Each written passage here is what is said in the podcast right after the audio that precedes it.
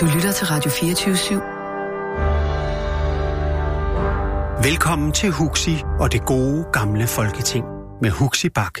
Rigtig hjertelig velkommen også her fra formandstolen i det gode gamle folketing. Og det er en stor fornøjelse at være ordentligt tilbage efter sommerferien. Vi sendte jo faktisk i sidste uge, men i vores øh, sædvanlige sommerspecial udgave, hvor Geomets og øh, Ben Falbert agerer de gode gamle chefredaktører, og vi lige sådan sonderer terrænet omkring, hvad pressen har gået og rodet med det sidste halve års tid. Det gik øh, glimrende, som, oh. som det nu altid gør, men det er nu rart at være sådan rigtigt i gang igen. Øh, ikke mindst fordi det har været en, en, øh, en spændende sommerferie. Der er sket meget siden vi gik på, på sommerferie. Øh, og så altså, øh, er der jo, og det er jo selvfølgelig en, en, en det er med blandede følelser, jeg skal sige det her. Jeg skal lige øh, træde op, fordi det er en stor glæde for mig at byde velkommen til, til frisk blod, men det er jo selvfølgelig også... Øh, øh, jeg kan se på Kenneth Christensen Berth, og vi taler også om det ude på den anden side af døren, at det er selvfølgelig... Det er jo lidt vedmodigt, og jeg skal jo passe på ikke at være for glad, fordi du er jo altså forladt Folketinget, Kenneth Christensen ja. Berth, men det er en fornøjelse at have dig her. Tak for det. Det er også en fornøjelse at være her. Det er godt at høre. Ja. Dejligt. og det samme kan jeg sige til Karl Holst. Rigtig hjertelig velkommen. Tak for det. Dejligt at se dig. Og lige mod. Og Heldein. Jeg kan ikke sige det samme til dig. Nej. Men det er fordi, vi har jo set hinanden on and off i syv år. Good old days. Præcis. Men det er, stadigvæk, det, er, det er stadigvæk en fornøjelse, at du er her. Tak for det. I lige måde. Øh, ja, tak. Og ellers er der sådan set ikke noget som helst, der er øh, forandret. Vi vil kaste et, øh, et blik, nærmest en form for klarsyn, på hvad der, er, der foregår i dansk politik lige nu. Prøve at blive øh, klogere, og måske endda få, få givet et, et øh, godt råd til nogle af de siddende MF'ere, baseret på den store visdom og erfaring, som er samlet her i studiet. Nok ros. Nu til sagen. Jeg kan sige så meget, at øh, det her program i løbet af de næste to timer kommer til at beskæftige sig med... Øh, I anden time skal vi se nærmere på den nye regering. Der er jo nok at se på. Nye ministre. Øh, der er også en masse nye øh, særlige rådgiver, som er blevet ansat. De, det er en lidt særlig slags øh, den her gang. Der er nærmest ikke nogen journalister. De er stort set alle sammen, Nej, om man så må sige... Nå, men det, det er jo det, vi skal finde ud af, Helle Dein, om det er synd. De er stort set alle sammen, om man så må sige, in-house øh, opvokset ja. i, øh, i Socialdemokratiet. Om Nej, det er godt eller skidt, det synd. jeg kan godt fornemme, hvor du står i den sag, Helle Dein. Og det kommer vi til. Det kommer vi til senere. Men der er jo også en masse nye ministre og alt muligt. Ham der Martin Rossen. Mm-hmm. Ja, der, jeg kan mærke, der skal vi nok, der skal vi nok lige få øh, krydset klinger. Men vi starter hos det, der nu er oppositionspartiet Venstre, øh, som jo faktisk havde et kanonvalg. Ni mandater gik man frem. Og så er det jo så nogle gange sådan i dansk politik, at det er ikke nødvendigvis nok til at beholde magten. Så som de øh, fleste forhåbentlig ved, så er regeringsmagten til skiftet, og Lars Løkke er ikke længere statsminister. Spørgsmålet er så, om han overhovedet længere er, sådan er, er formand i Venstre, fordi er der delt formandskab, får han det igennem, som han gerne vil. Øh, der var et forløb med, øh, at man lige skulle samle sig hen over sommerferien, så skulle man konstituere sig. Og Karl, nu kigger jeg på dig, fordi det er trods alt nok dig, der har det største indblik i, i, i Venstres gruppe. Man holder sommerferie, og så holder man det her konstitueringsmøde, hvor man skal finde ud af, hvem skal have hvilke ordførerposter, hvordan og hvorledes. Øh, sådan i din optik, skal vi starte helt bredt, hvordan står, hvordan står det til i Venstre? Skidt. Ja. Rigtig skidt. Og man kan jo også se det ved, at det er, som du siger, øh, for i fredag, altså for godt en uge siden, at man, man valgte at konstituere sig. Og det er et skidt tegn, at der skal gå to måneder fra et valg til et parti, som beslutter sig, hvem det skal være ledelse. Og det tager jeg lidt som et udtryk for, at man har lidt svært ved at finde sin egen ben. Og grunden til, at man har svært ved at finde sin egen ben, er, at man har svært ved at finde ud af at lave en, et fællesskab i partiet. Men mm. at man, man er, man, jeg bruger et udtryk i min bog, partiet er lidt dysfunktionelt. Det er der andre partier, der har prøvet. Fremskridspartiet, som resulterede i Dansk Folkeparti, Socialdemokratiet. Men nu er det i den grad Venstre, der er mm. ramt af det.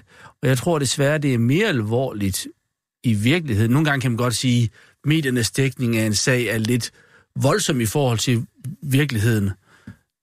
I det her tilfælde for Venstre for nærværende, der tror jeg desværre, det er værre i virkeligheden, end det indtryk, man kan få af medierne. Hvad bygger Uha. jeg det på? Det bygger, ja, det, det bygger jeg på... Uddyb venlig, Karl. At, det bygger jo på, at de folk, jeg snakker med på kryds og på tværs, mm-hmm. de øh, i en mand-til-mand samtale øh, har en lidt voldsommere retorik endda, end det, der kommer til udtryk i medierne. Okay. Så man holder sig sådan set no, sådan lidt tilbage i forhold til medierne, men på gruppemøderne, der... Der er stadigvæk et vist dannelsesniveau, der gør, at man opfører sig bedre, end man gjorde, hvis man var i fri øh, dressur i mm. omtalen af hinanden. Okay. Altså, man kan faktisk... Når man er venstremand, og derfor føler mere for det end, end, end bare tilfældige jagttagelser, men mm. man har ja, det i kroppen, ikke? Så får man altså ondt i maven af at se på det. Mm-hmm. Fordi det er så øh, frustrerende, splittende. Ja. Og så kan jeg jo ikke lade være med at, at, at lave en masse historiske paralleller. De konservative i 90'erne, mm.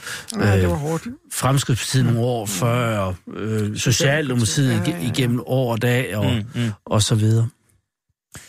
Kenneth Christensen Bert, ordet dysfunktionelt, er det også det, du tænker, når du... Du, du jagter jo ikke på samme måde, som Karl Holst gør. Nej. Du ser det udefra. Ja. Er det også det, der, der sådan øh, kommer dig i hu? Altså, det er jo i hvert fald øh, magtkamp øh, i højeste potens. Øh, altså, det, det, og et eller andet sted forstår jeg godt baggrunden for magtkampen. Altså, Lars Løkke Rasmussen har vundet valget. Øh, det er jo ikke som i 98, hvor Uffe Ellemann øh, tabte. Øh, godt nok gik man ikke tilbage, man gik heller ikke frem. Han har vundet ni mandater. Han har vundet et Europaparlamentsvalg før. Øh, skal han så gå af på den baggrund? Så ikke han har lyst til. Øh, så det virker som om, at han lidt offrer partiet på sit eget alder her. Altså, han er så optaget af, at han skal være statsministerkandidat for Venstre om fire år, så dem, der eventuelt kommer i vejen, de bliver bare forsøgt faret af banen. Og han fik jo, synes jeg, godt man kan læse det der valg til den gruppebestyrelse, som, som lidt af en bejmand ved, at Inger Støjberg røg ud i modsætning til, hvad de havde anbefalet. Mm-hmm. Så det, og Christian Jensens interview og så videre, altså det, det ser ud som om, der er nogen, øh, Christian Jensen forsøger at positionere sig. Nu har han også ventet 10 år, så synes han ligesom, at det er tiden, at han kommer på banen, øh, efter at, øh, at, at man ikke har vundet regeringsmagt. Men det er bare svært, når man står for en mand, der har vundet ni mandater. Nå, men det, det skal vi ikke lige prøve at starte med, med det faktum, at Lars Lykke sidder som formand, sidder som statsminister. Mm. Så går valget, som det går. Man går ni mandater frem, men må afgive regeringsmagten. Sådan, hvad skal man sige, rent på Christiansborgsk i gåsøjne. Skal det så oversættes til, Karl, at øh, fordi man har tabt et valg, så skal der altså ske noget? Eller er det ikke er det, er det forståeligt, at Lars Lykke siger, jamen, jeg har skaffet øh, det her parti to rigtig gode valg. Nej, ja, vi fortsætter ikke som, som statsminister, men, men min ledelse har trods alt gjort det her. Og så de forventninger, der har været til et skifte, øh, hvis der var kommet et dårligt valg, de må simpelthen vende det.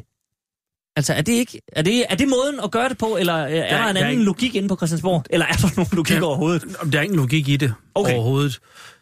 Helle Thorning går som formand for Socialdemokratiet selvom partiet går frem at hun mister regeringsmagten. Ja. Havde hun ønsket at fortsætte, så havde det givet ballade. Der er andre tilfælde, hvor andre partier er gået tilbage og kunne blive. Så der er ikke nogen øh, logik. Altså, Lars Lykke mistede statsministerposten i, i 2011 efter en fremgang, og og helt naturligt fik han lov til at blive. Mm-hmm. I det her tilfælde er jeg ret overbevist om, at havde Venstre ikke fået en fremgang på de, mandat, på de her ni mandater, så havde det været en anden situation. Men nu fik han fremgang på, på ni øh, mandater, og så er der nogen, der siger, hov, og hvad så? Og så er der slør i det også i forhold til, hvad er så også øh, vejen frem? At en SR-regering... Uh. Øh, med nu må du ikke skræmme Kenneth, det er hans, det er hans første dag. at en SR-regering med Venstre, jeg tænker på hans meldinger i slutningen af valgkampen. Øh, hvor han sagde SV-regering over midten. Og det gør jo, at øh, man i så i stedet for at sige, nu tager vi altså lige at finde ud af, hvad er det, vi vil i forhold til vores politiske kurs, så begynder man at snakke øh, intern fnid og fnader. Og mm. det mhm. er ikke en magtkamp som i magtkamp. At, det er noget mærkeligt noget at sige.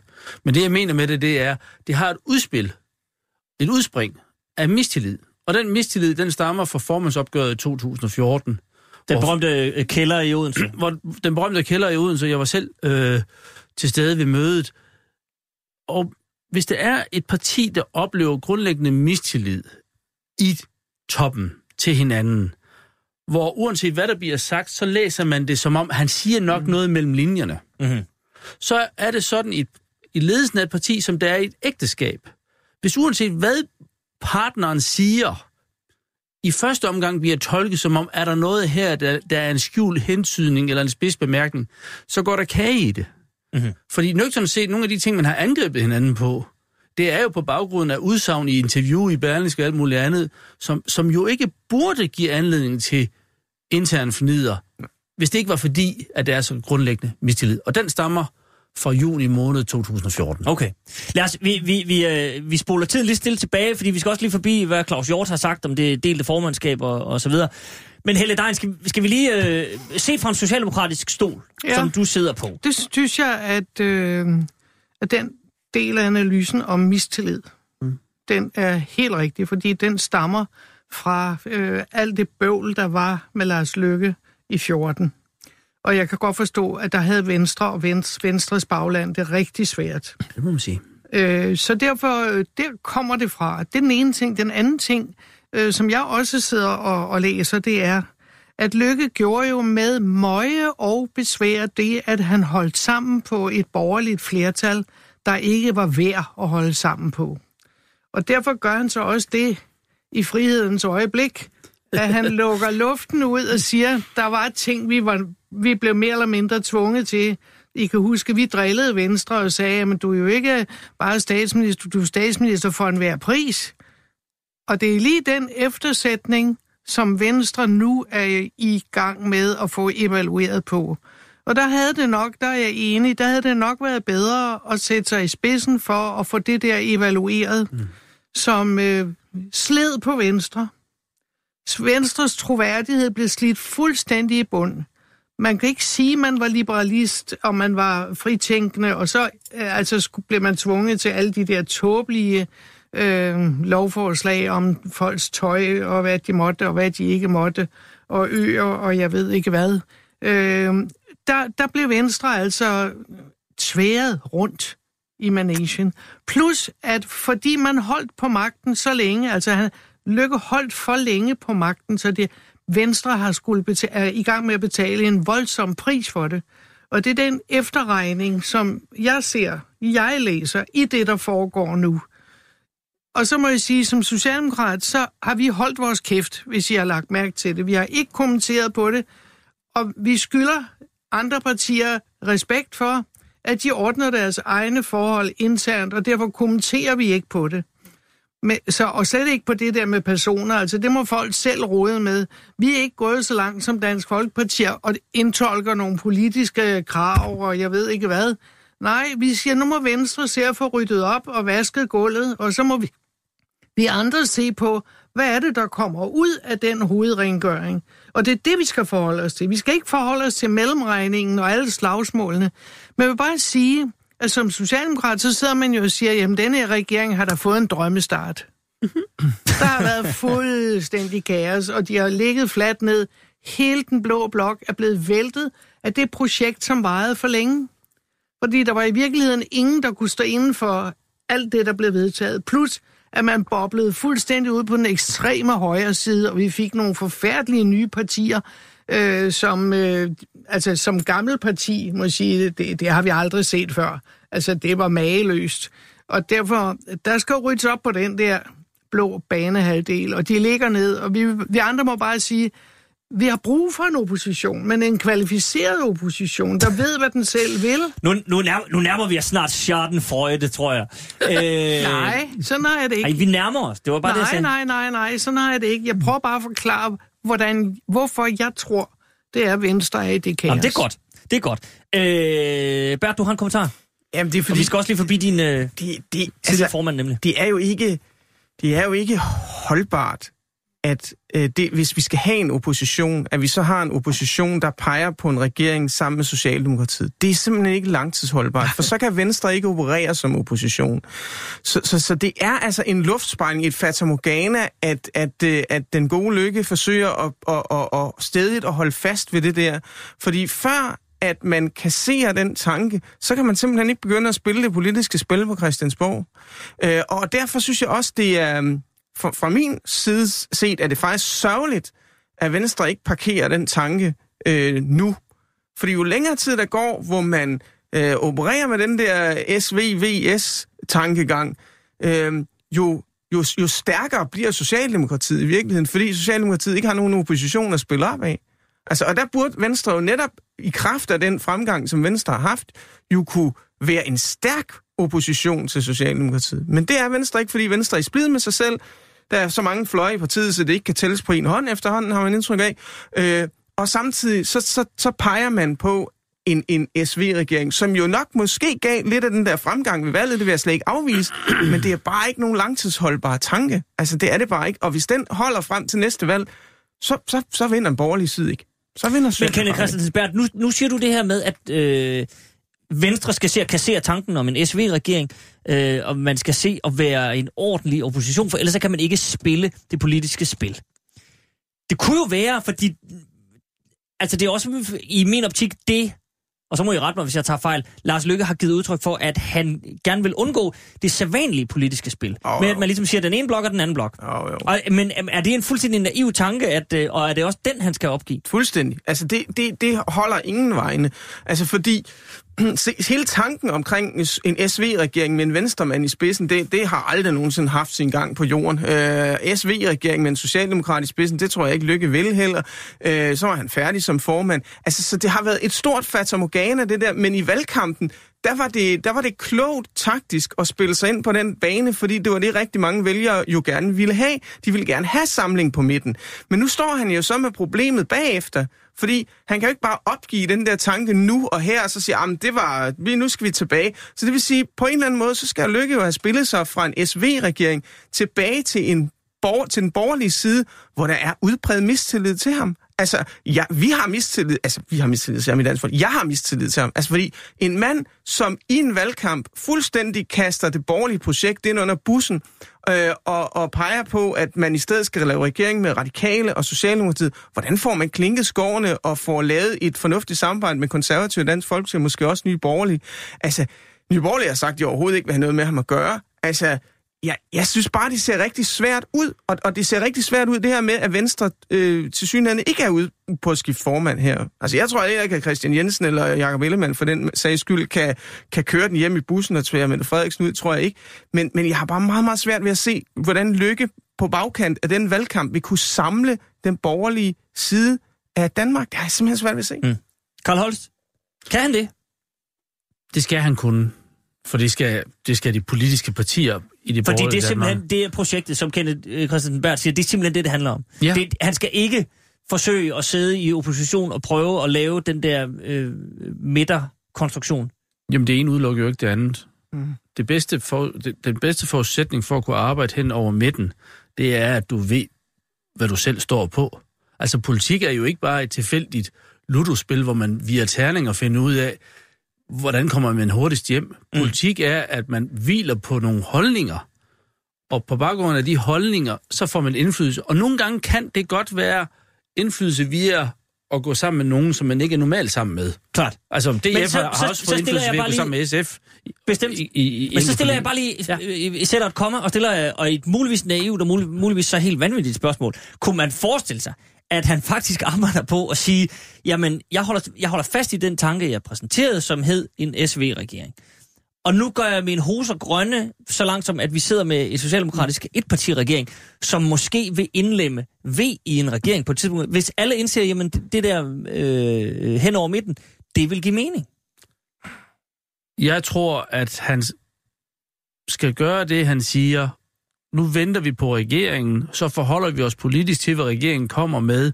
Også kritisk i forhold til, om regeringen kan levere det, de har lovet i valgkampen, i forhold til deres samarbejde med, mm. med, med, med, med de partier, der nu er det parlamentariske grundlag for den nu, nuværende øh, regering. Fordi midt i alt det her fnid og støj og møg, der har været på Blå Blok, er det jo lykkedes så at få glemt det faktum, at der er et flertal bag Mette Frederiksen, men det er jo ikke et flertal, der er entydigt i, hvad det er for et politisk projekt, de har.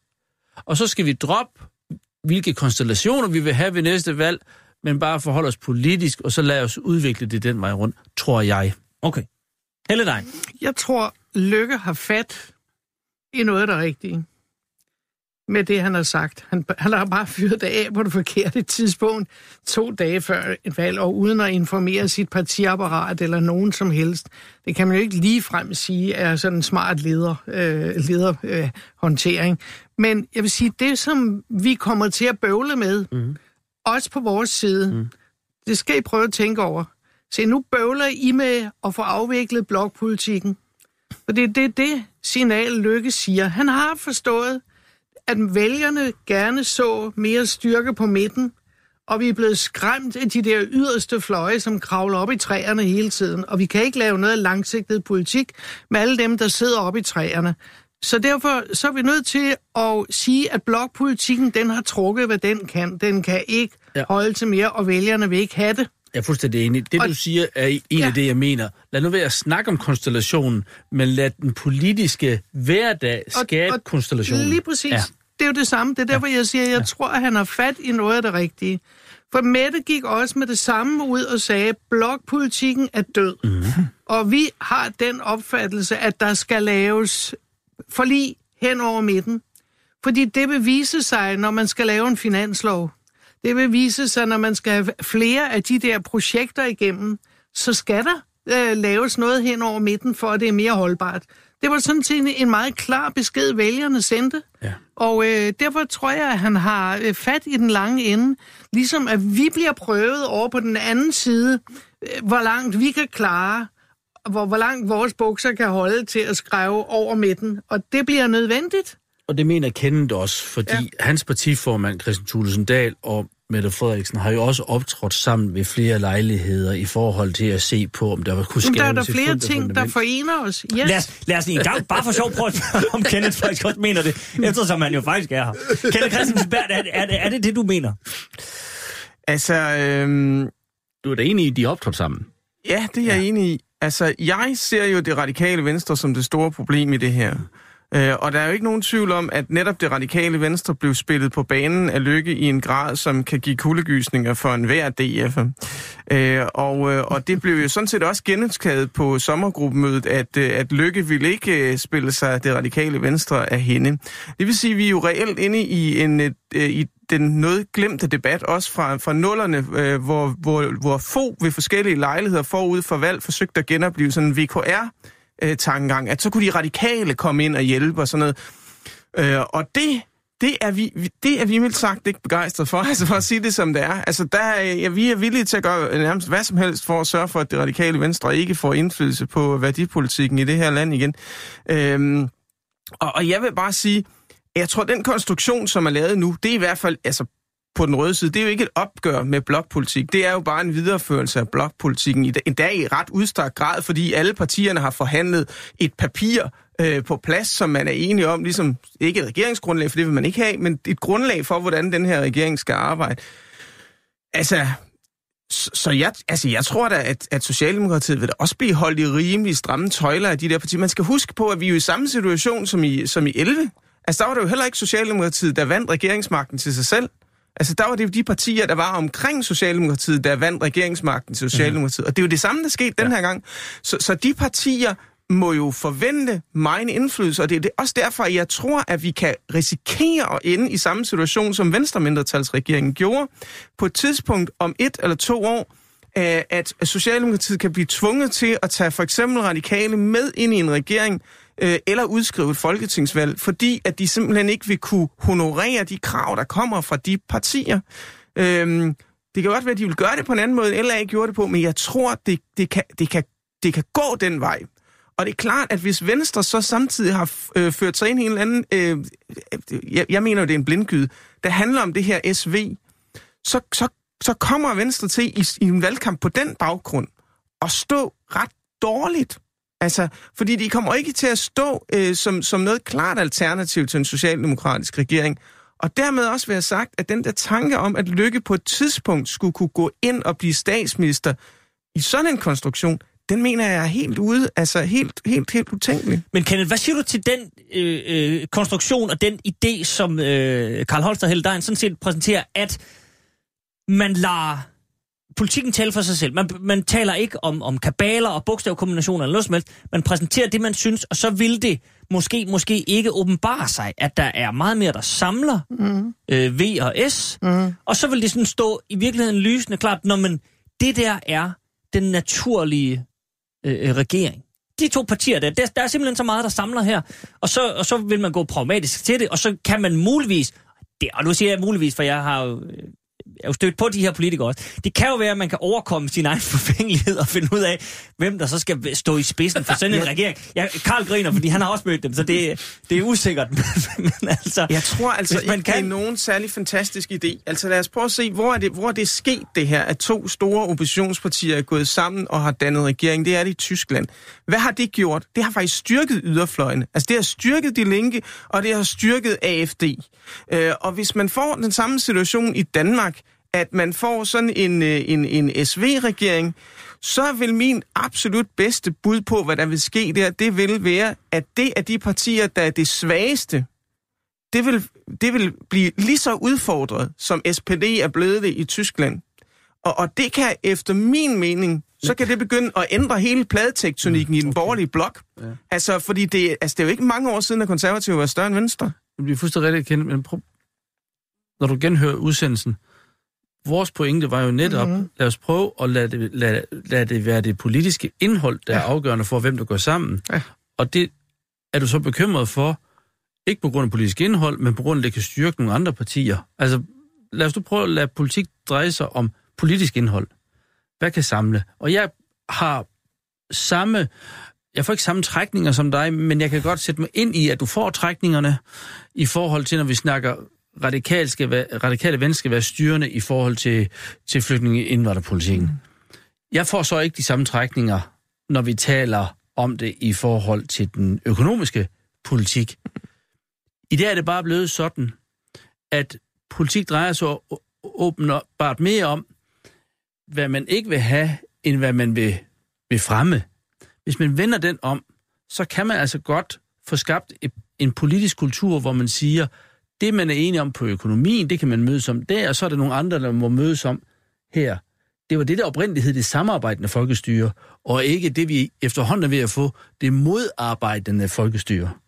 Men det synes jeg bare ikke, jeg kan finde nogle eksempler på rundt omkring i Europa. Det synes jeg godt, Altså- jeg kan finde eksempler på i hele den, det politiske landskab i kommune sammenhæng. Ja, det, det kan man andet, i ja. alle kommunalbestyrelser mm. i hele Danmark. Ja. Der laver man nemlig den øvelse, og det er den Mette har sagt meget tidligt. Jeg kan ikke forstå, at vi ikke kan det på Christiansborg. Vi burde også her kunne se på, hvad er substansen, hvad er det, vi gerne vil nå, og så prøve at gå sammen. Jeg, jeg har ikke de samme trækninger om de radikale, som de to har. Jeg har nogle andre. Altså, jeg har det ligesom uh, Svend Auken, det der med budding uh, op på væggen og sådan noget. Ikke? Altså, man ved aldrig, hvor man har den. Fordi de lægger sig sådan... Vi kan øh, konstatere, at der er altid trækninger omkring de radikale, men, men af forskellige art. Fordi de, er, de prøver ligesom at skumme fløden, uanset uh, hvilken side det er, øh, og så tage styring på det. Og det, øh, det er sådan set ikke det, hverken Venstre eller Socialdemokratiet ønsker. Vi hørte godt, hvad det var, vælgerne sagde. De ville gerne have, at det, der samler Venstre, og det, der samler på, i Socialdemokratiet, at de ting, de godt kunne, øh, det, kunne, det vil vi gerne have noget mere af.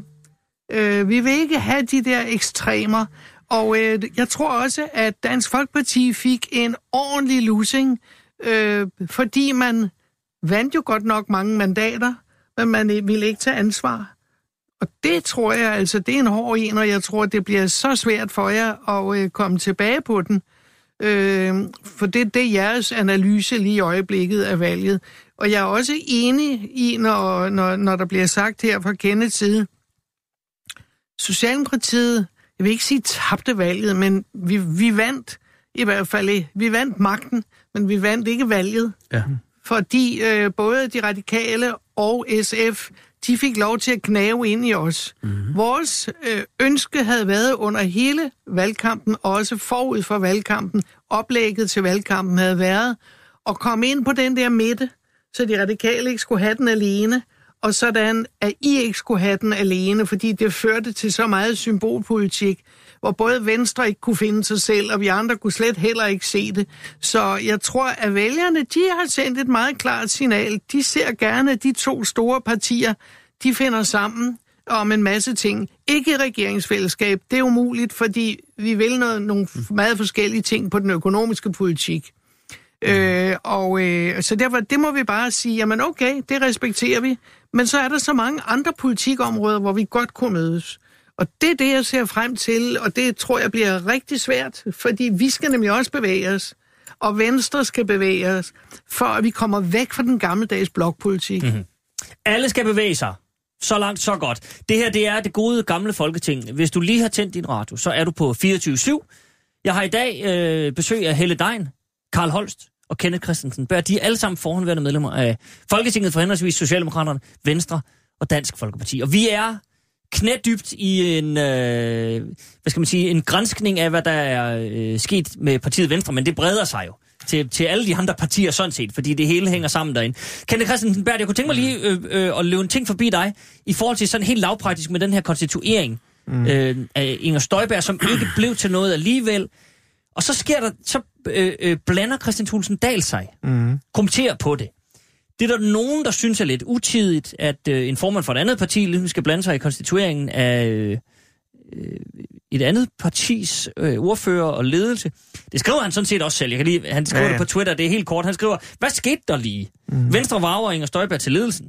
De bestemmer selvfølgelig helt selv øh, deres konstituering, men hvis det er et udtryk for et politisk kursskifte i udlændingepolitikken, vækker det selv sagt bekymring. Mm. Øh, der er vel øh, både det skrevne i det, at han er bekymret for øh, det mulige skift i udlændingepolitikken, men er der også en eller anden sådan, øh, er, der, er der mere i det, i forhold til, hvad, hvad Karl og Helle er, er inde på, i forhold til, til det her VS-samarbejde, at han skal pludselig lige, man skal jo vifte med et flag og gøre opmærksom på sig selv? Altså, der er jo den parlamentariske situation på Christiansborg, at S og V har flertal sammen. Altså, det, så, så hvis øh, de to partier kan enes om noget, jamen, så kan de jo sådan set bare køre det igennem. Mm-hmm. Øh, men så er der selvfølgelig også det, det led, der ligger i, øh, hvad, er det, hvad er det for et venstre, der kommer til at, at, at, at komme i løbet af de kommende fire år? Altså, jeg har, stadigvæk, øh, jeg har stadigvæk enormt svært ved at se, at det skulle være Lars Løkke, der går til valg øh, som statsministerkandidat øh, om, om måske tre år, eller hvor lang tid der nu går. Øh, og, og hvem er det så, der kommer i givet fald kommer i sted? Altså, Christian Jensen er ved at blive smidt ind under bussen nu. Det kan jo godt være, at han overlever det, fordi han er ret... Altså, det ser ud som om, han har ret mange øh, altså, folk bag sig i gruppen. Altså, set i forhold til, hvordan man kunne konstituere den gruppe.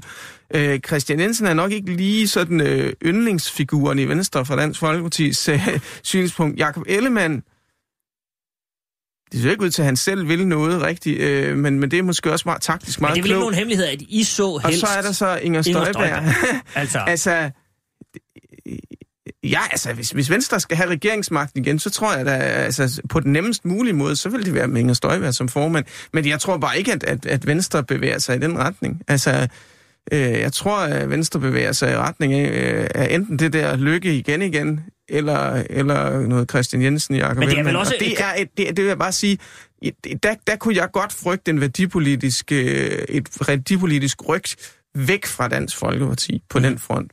Altså igen noget med, så kommer de radikale ind igen. Fordi altså, de, de kan jo også godt lide Christian Jensen. Det, det har Morten Østergaard ikke langt skjult på. Altså, det har så, han så, decideret sagt. så, at de simpelthen godt kan lide ham. Så ja, ja, altså, ja, ja. Men jeg vil så bare sige, et venstre med, med, med en anden udlændingepolitisk kurs, øh, tror jeg, øh, ikke kan vinde 44 mandater i Folketinget. Mm. Det tror jeg ikke. Karl Holst, øh, hvad siger du til det? Altså, i virkeligheden handler det vel om... Til hvad? Ja, der var, der var, sådan, der var sådan set meget, der var sådan set meget der. Nej, men, men, men kan, tager jeg fejl, hvis jeg, hvis jeg ser det sådan her, at Lars Løkke måske spiller lidt på den hest, der hedder, at man har en etpartiregering, og der er vel en mulighed for, at øh, man har selvfølgelig i, i Socialdemokratiet sammen med, med den røde blok lavet et eller andet forståelsespapir, men der er ikke nogen, der har hængt hinanden op på noget, og der kan sagtens gå kluder i den, og der kan sagtens komme et valg om, lad os sige, et år. Altså, at der er gået så meget øh, givet ja. i den, at man siger, prøv at nu er vi simpelthen nødt til lige at få øh, mandaterne mm. talt sammen igen og se, hvem der bestemmer her. Mm. Og Lars Lykke så siger man, altså, hvis der, kun, hvis der kun er et år til næste valg, så bliver jeg altså hængende. Og så må vi lige se, om jeg kan, jeg kan få... Øh... Det er da oplagt, han kan tænke sådan. Præcis, og det for de fu- nøgler tilbage. Og det er da fuldt berettiget. Ja. Og man kan godt argumentere for en analyse, der går på, at det går i kage for den nuværende re- regering, mm. og der Mhm. kommer et valg. Men man kan altså også argumentere for det modsatte. Ja. Og vi sidder her, og der har været valg, og der har været sommerferie, og vi har stort set ikke set meningsmåling. vi har ikke set meningsmålingen af, hvordan er de meningsmålingsmæssige konsekvenser af det, Venstre har været igennem, for regeringen en Og der er ikke rigtig spillet noget ud fra regeringen, vi har ikke så meget at se på. Altså, Folketinget er ikke engang åben. Vi har ikke engang hørt en åbningstale. Og det, og det her er ikke en kritik, det er bare en stilfærdig konstatering. Regeringen har jo ikke engang lavet et regeringsgrundlag, fordi den har lavet et forståelsespapir. Mm. Det synes jeg for er meget fint. Det skaber større fleksibilitet og alt muligt andet. Men der er ikke noget konkret, altså der er ikke meget at hænge sin hat på. Og derfor diskuterer vi lidt den politiske parlamentariske situation, som de blinde de slås. Vi aner det ikke, for det afhænger af, hvordan folk de øh, grupperer sig. Mhm. Så var der et element omkring Inger Støjberg. Vi, vi talte om en post som næstformand i en gruppe. Mm. Gruppe næstformandsposten. Der er ingen i det her lokale, bortset fra mig, der kan give navn på de sidste 10 års gruppe næstformand. Til trods Det, det er en ret ligegyldig post. Er- det, er altså, Nej, det- uden at, nej, nej, men, men det sådan i det store øh, billede. Jeg kan bedre lide min bløde formulering. Der er ingen i det her lokale, Godt, der kan give navn Fint. de sidste 10 år. Alligevel så tager man en afstemning. Jeg har ikke noget mod en afstemning omkring det. Men når man tager en afstemning på det, fordi at det er et udtryk, som jeg oplever det, for noget dysfunktionelt gruppe, grupperingsarbejde, Mhm. så er det altså råd, der kommer indenfra, som ikke er holdbart. Jeg synes ikke, at uh, Thulesen Dahls uh, bemærkning var upassende. Det var bare et, et, et, et, et synspunkt svarende til, hvis en venstremand havde sagt, jeg kan forstå, at DF gerne vil samarbejde mere med Socialdemokratiet om pensionsreform. Det vil heller ikke være, være upassende. Men det er rigtigt, at hvis der sker en ændring fundamentalt i den kurs, Venstre har haft på flygtninge- indvandrerområdet i denne valgperiode, så går det rigtig, rigtig galt for en del af Venstre. Jamen, og det er jo det, der er det interessante, fordi jeg tror også, det er det, øh, øh, Kenneth er inde på. Altså, at... For, for, øh, tolker jeg det rigtigt, når jeg tolker det således, at grunden til, at Inger Støjberg ikke blev gruppe næstformand, det var, at, øh, som Kenneth også var inde på, at Christian Jensen sådan set har en del opbakning i gruppen. Og Sofie Løde så pludselig dukker op, og så er der en fløj af Venstre, som måske ikke er, synes, at det er Inger Støjberg, der skal tegne Venstre, men nærmere en anden del af Venstre. Jeg tror helt ærligt, at det var et udtryk for, at man ikke stemte efter, hvad man, hvad man var enig med, men at, og sådan er det, når det går, når det går øh, fraktioner i det, Mm. så er det ikke altid, at man stemmer efter politisk indhold, men man bare stemmer efter, hvem man er i gruppe med, hvem man har, hvem man gerne vil støtte som gruppe, og ikke som politisk øh, Så, så indhold. nærmest i trods af, at ledelsen stiller et hold, som man ikke sådan grupperingsmæssigt nødvendigvis ser nogle fordele i. Der var det dig, der var mere klar end mig. Ja. Okay. Om bare vi når frem til noget sammen, så, så skal det nok gå. Og så hold os lige i hånden øh, med det aller sidste. Claus Hjort, som så øh, går ud og siger, nu synes han, at Christian Jensen simpelthen skal gå af som næstformand. Det er jo en, en, en, voldsom, klar melding, Ken Christensen Bært. Jeg, jeg tror Var faktisk... du overrasket over det? Må jeg, må Nej, jeg starte nej jeg, der? er ikke, jeg er egentlig ikke så overrasket over det, fordi jeg, jeg ser det stadigvæk som et forsøg på at, øh, at få smidt Christian Jensen under bussen, så han i hvert fald ikke er nogen trussel mod mm. Lykkes projekt Lykke. Altså, øh, jeg, jeg ved ikke, hvor optaget af øh, Lars Lykke er, hvad, i virkeligheden, hvad der skal ske efter ham. Jeg tror mest, han er optaget af, at det skal være Lars Lykke igen igen. Øhm, og, og der er Christian Jensen bare irriterende, fordi han var ude at undsige det der øh, SV-samarbejde. Så kunne man lige så godt øh, få Claus Hjort til at, at, at smide ham under bussen. Og Claus Hjort, han er jo ekspert i at blive tilkaldt som sådan en bød, eller så skulle øh, lave det beskidte arbejde. Ikke? Han gør det med, jeg tror faktisk, han gør det med stor glæde. Altså, det, det må jeg sige. Det, det, altså, selv, selvom det, Det det altså, jeg synes, ikke han skjuler det særlig godt. Det synes jeg faktisk ikke. Øh, jeg tror faktisk, han trives meget godt med den der rolle der. Øh, og han fik da smidt ham under bussen og, og kørt ham Altså, over, jeg men han lever bare, lige for, bare lige for at få citatet med, han, han udtalte sig efter, øh, efter øh, mødet i weekenden, eller øh, torsdag fredag i sidste uge, øh, og så øh, på Facebook skriver øh, Claus Hjort så, øh, på venstre, han, jeg springer lige ind, det er en lidt lang opdatering, vi tager lige, øh, vi tager lige kødet her. Øh, på venstre sommergruppemøde, som tegner Venstres politiske kurs, blev det slået klart fast, at det er partiets formand og statsministerkandidat, som tegner Venstres politiske kurs. Det delte formandskabstid er forbi. Og så øh, gik han så ud til journalister og sagde direkte, at han synes, at Christian Jensen skulle gå af. Øh... Det sjove var... Kommer jeg til at afbryde? Nej, du må endelig afbryde. Det sjove var, at da jeg i, i, i maj måned, begyndelsen af maj måned, udgav min bog, Prisen for liv og politik, hvor jeg netop snakker om, at vi lever altså af, af arne for formandsopgavet i 2014, så bliver, så bliver Claus Hjort også sendt i byen. øhm, og så siger han, jeg kan slet ikke kende det her billede, jeg kender Venstre ikke mange år, bla bla bla. Men efter sommergruppemødet brugte han til begrundelse for sin, sin synspunkter om Christian Jensen, at nu skulle alt det her fnider, der havde fundet sted to, siden 2014, altså ophøre. Og jeg tror, det er den sidste version af Claus Hjort, der oprigtigt er den rigtige. Mm. Han er ikke blevet hidkaldt. Han er ikke en bødel. Jeg tror, han oprigtigt er drevet af en dyb, dyb frustration over, hvad der foregår, og at han oprigtigt mener, vi kan ikke have et formandskab, der bliver udlagt som så uensartet, og det skal øh, stoppes. Og han har jo fuldstændig ret.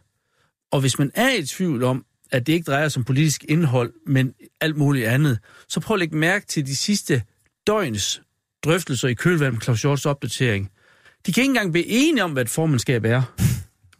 Det ene folketingsmedlem siger, jamen det er jo ikke på den måde, vi har haft et formandskab. Den anden siger, jo, vi har, så gruppen har været enige og ikke enige. Altså, nogle gange, så kan det gå så meget fnider i en slåskamp i skolegården, at man fuldstændig glemmer, hvad det er, der er årsagen til, at man slås. Men det er i hvert fald ingen i Danmark, der kan forstå diskussionen om, hvad var det for et formandskab? Hvor kom det fra? Hvordan fungerede det? Hvem havde underskrevet det? Havde man levet op til det? Nej. Men Karl, det du siger der, det er jo også, altså, det er jo ret voldsomt, fordi det, det, det understreger jo, at der de sidste fem år, siden den aften i kælderen under Odense Kongresscenter, hvor Christian Jensen øh, udfordrede Lars Løkke og fik kolde fødder, øh, at der de sidste fem år har været fnider, for nu at bruge øh, Jordens udtryk, Det er ikke det værste. i Venstre. Det er da ikke det værste. At, at Nej, det er ikke det værste, men... men Men det værste er, at det fnider, der var, da vi tog hjem den nat, det er vokset. Det er da det værste. Jo, det var præcis min Der pointe, at de der- sidste fem år har været eskalerende fnider. Ja. Ja. Øh, men, og, og, og, og, mange har været uenige med mig i den analyse, men, men, men helt ærligt, har, mangler I beviser inden for de sidste tre døgn, så vil jeg gerne finde dem. Fordi det er da det, vi ser. Mm. Det er Så Claus, udtryk. Claus Hjort har vel ret så langt som, at nu skal det stoppe. Så, så, må, så må Venstre selv afgøre, hvem der skal gå af, og det ene og det andet. Men det er vel rigtigt nok, at hvis man vil noget som helst, så skal der ro i gelederne, ikke? Altså, jeg oplevede en Claus Hjort, der mente det, han sagde dybfølt i sit venstre hjerte, da han sagde, at vi kan ikke have en næstformand, der underløber formanden. Mm. Altså underforstået, vi kan ikke have et parti, hvor der, er, hvor der ikke er stringens i, hvad formandskabet siger. Helle Dein, må jeg så ikke spørge dig, fordi du sidder jo på, på øh, en helt anden stol. Hvad, hvad skal de andre i Blå Blok gøre nu? Hvad skal konservative gøre? Hvad skal ja, LA, øh, øh, Dansk Folkeparti, hvad skal man gøre nu? Man har det her øh, dysfunktionelle venstre. Skal, man, skal Søren Pape øh, altså rejse sig, trække et svær og sige, nu er det simpelthen os, der tegner Blå Blok?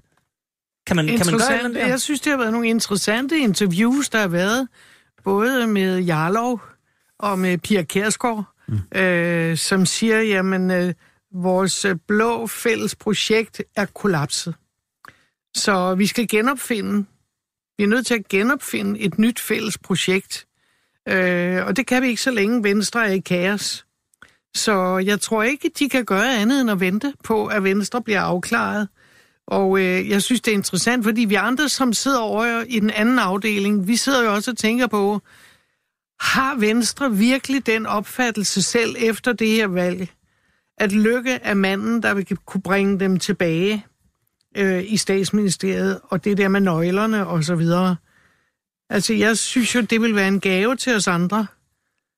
Fordi jeg synes jo, der er blevet vist så tydeligt øh, tegn fra de danske vælgere, at man kan ikke have det der med underbukserne, og man kan ikke have det der øh, griseri, vi har været vidne til med hans øh, kvote. Øh, Du er med på, at vi gik ni mandater frem, ikke? Og hvad bare? Er du med på, at Venstre gik ni mandater frem ved valget? Jamen, det er jeg godt klar over. Men øh, det er ikke ens betydende med, at man har accepteret Nej, okay. det, man var vidne til. Mm. Og den troværdighed, tror jeg, er så slidt. Mm. Også blandt Venstre selv. Så du skal have en, der kan mobilisere, øh, og en, der kan få følgere med sig. Og det kan, sådan som jeg ser på det, måske godt se lidt svært ud. Jeg håber øh, ikke, jeg fik det til at lyde som om, at jeg troede, at underbukssagen var en vinder. Men, Nej, nej, men nej, nej. Jeg tvivler måske, hvor nej, negativt nej, den er i dag. det, det er en lidt bredere Det virker som om, man, at man måske har accepteret det, for jeg er da enig, mm. ni mandater frem Ja, men det er jo var- ikke et, Ni mandater frem var et svar på et andet spørgsmål. Det var et svar på det, han selv lagde op til sidst. Vi skal hen over midten.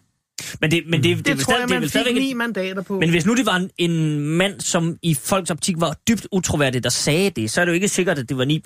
Altså tyder de der ni mandater ikke på, som Karl er inde på, at, at lykkes troværdighed er, er Nej. nogenlunde tilbage? Det tror jeg ikke, man kan slutte, fordi jeg tror, det man kan slutte er, at der er i og for sig en øh, stor øh, opbakning til Venstre øh, på den banehalvdel. Til Venstre. Altså, ikke til personen Lykke. Mm. Der tror jeg, man har set for meget. Og der tror jeg, at man, hvis man skal have troværdighed, man skal have følgere, og man skal følge op på det, så tror jeg, man skal skifte heste. Okay. Kenneth Christensen Bært, hvad jeg, siger du? Jeg tror ikke, Lykkes største problem er underbukser. Jeg tror, Lykkes største problem er klinkeskårene med konservativ og Dansk Folkeparti. Mm-hmm. Øh, fordi det skal man jo altså bare lige huske på, at der skal jo også være en tillid for de partier, som skal ud og pege på Lykke. Fordi Socialdemokratiet kommer ikke til at pege på Lykke. Altså, der, der skal være nogen, der peger på Lykke i en valgkamp. Ellers kan det sådan set være lige meget. Øh, og, og de skal jo de skal jo betrykkes i, at Lars Lykke vil et borgerligt samarbejde, og det er der bare ikke rigtig noget, der tyder på nu, og det er altså en kæmpe stor udfordring. Øhm, måske ender vi i en, øh, en Svend Auken-situation. Altså en situation, Præcis. hvor, hvor, hvor, hvor, hvor, som, hvor Socialdemokratiet genkende. fastholde en formand, som egentlig gerne ville sidde der, fordi man ikke kunne få opbakken fra de radikale til den formand. Altså, der, er- det er en kæmpe opgave for Lars Lykke, hvis han skal have øh, tilliden tilbage hos konservative og, og DF. Er det en umulig opgave? Ser, ser man i Dansk Folkeparti gerne, at når vi kommer til november, og der er landsmøde i Venstre, at nogen tager handsken op og udfordrer Lars Lykke, og der bliver et formandskifte? Fordi så vil det glide en lille smule nemmere i forhold til Jamen, det afhænger både V og K, det øh, slået afhænger- DF og K'er. Det afhænger af, om, om, om Lykke er, er parat til at sige, at han vil stille sig i front for et borgerligt samarbejde. Og det er jo ikke det, det, er jo ikke det han har sagt indtil nu. Og det efterlader jo Venstre øh, solidt placeret uden for øh, en, en borgerlig blok i virkeligheden. Altså lige nu. Øh, og, og det, kan vi jo, det, det, det er jo ikke holdbart i længden. Øhm, men, men jeg kan bare sige, at jeg, jeg tror, at der er, en, der er en meget stor opgave med at genskabe den tillid der. Og det er også derfor, jeg siger, at, at, at øh, risikoen for Venstre i det her, det er også, at, at selve tektonikken i den borgerlige blok kan begynde at ændre sig. Altså, hvor, og, og det virker jo helt absurd at sige nu i en situation, hvor Venstre er kæmpestort. Men, men, men hvis Venstre er så splittet, som Karl Holt siger, de er, og det er fuldstændig mit indtryk også, øhm, og, og man har en, øh, en, en, en, en øh, statsministerkandidat, som der ikke er meget tillid til øh, i, i, i blandt de blå partier, så er der nogle underliggende ting, som kan begynde at rykke sig. Altså, så, er det, så, så, så, kan det altså gå, så kan det gå relativt meget galt for Venstre, det her. Altså, øh, det kan det. Og, og, og, og vi så jo ved sidste valg, mit eget parti, ikke, hvor, hvor, hvor galt det i virkeligheden kan gå. Fordi man har 37 mandater ved, ved det ene valg, så er det altså ikke en givet sag, at, at, øh, at man ikke kan tage 21 af dem. Mm. Altså, så, fordi politik er blevet meget mere flygtigt nu, ja. end, det, end det var for, for var 15-20 år siden. Men vil det sige, at... Øh, fordi du har jo fuldstændig ret, altså... Fra i dag til i morgen, øh, det kan være nat og dag. Mm. Men kan man så ikke netop forestille sig, at de konservative vil sige, men øh, vi er godt nok, det ser ikke øh, sådan fantastisk ud, men det kan det gøre i morgen, fordi Venstre er nedsmeltet, og hvis der kommer et hurtigt valg, så kan bøtten jo vende meget, meget hurtigt. Altså, hvis jeg var Øh. pape, så ville jeg sidde helt stille nu, i virkeligheden. Og så stille, og, ja, og så stille og roligt. Det du sådan set også det, han politik. Altså, fordi... Øh, Men altså, hvad vil du gøre, hvis du var Christian Thulsen Dahl for eksempel? Så, altså, der, han... der tror jeg, det er noget andet. Der, der, der drejer det sig om, at vi skal være ret øh, skarpe og ret klare i mailet, fordi det er en anden vælgergruppe, som vi, øh, som vi skal have tilbage. Altså, der, der drejer det sig bestemt ikke om at sidde stille. Nej. Altså, vi står men, simpelthen men et andet drejer det sig om måske at få positioneret sig som øh, de nye øh, oppositionsledere? Altså tag teten. Jamen, hvis, det, hvis, vi havde, hvis vi havde fået et folketingsvalg, hvor vi havde fået 15 procent af stemmerne, så kunne det have været relevant, men det er ikke relevant nu, mener jeg ikke, det er. Altså, vores, øh, vores relevans nu, det er at stå fuldstændig klokkeklart på partiets grundlag, øh, som det blev formet øh, tilbage omkring øh, 98-valget, ikke? Altså, det er vores opgave nu, mm. og så stille og roligt få bygget øh, foretagendet op igen. Så du er i virkeligheden enig med, jeg tror det var Morten Messersmith, der sagde, at man skal simpelthen tilbage til DF Classic. Jamen, det er jeg fuldstændig. Og vi, øh, altså, der, der er, fordi jeg tror, vores, vores eksistensbegrundelse ligger i den stramme udlændingepolitik, stram retspolitik, øh, modstand mod EU. Altså, det er der, at vi, kan man sige, stadigvæk skiller os ud øh, fra de andre partier, og så ved at være den frække dreng i klassen. Altså, det vil vi måske glemme en lille smule. Okay. Øh, skal vi så lige vende det sidste parti i Blå Blok, som, som, øh, som vi ikke rigtig har, har hørt så meget til? Det, der, der, det blev jo også en, jeg vil ikke sige en tynd kop te, det, det var fire mandater, og det var, hvad det var. Øh, LA, Karl Holst, har de... Øh, er der noget at komme efter for dem nu, eller har man overlevet sig selv på en eller anden mærkelig måde? nøjagtig samme situation som DF. At de skal tilbage til rødderne. Øh, LA Classic. Ja. Så er spørgsmålet måske, hvad det er. det er den meget fokuserede liberale økonomiske øh, politik, hvor man også øh, drager meget liberale værdipolitiske øh, øh, elementer øh, ind i forhold til erhvervslivets fremme og, og hvad ved jeg. Mm. Simpelthen. Ja, nu skal jeg ikke gøre mig til, til sådan særlig øh, eller rådgiver for, for partiet, men, men havde valgkampen været to dage, så var de rødt helt ud. Og det er jo et eksempel på, fordi valgkampens temaer var jo egentlig et godt fundament for partiet i forhold til, at der blev snakket om vækst i den offentlige sektor, der blev dit og dat. Og det, det var jo, det gik jo bare op for, for i hvert fald for mig på valgnatten. Folk, de stemte ikke ud fra, at de ville stemme for det liberale parti.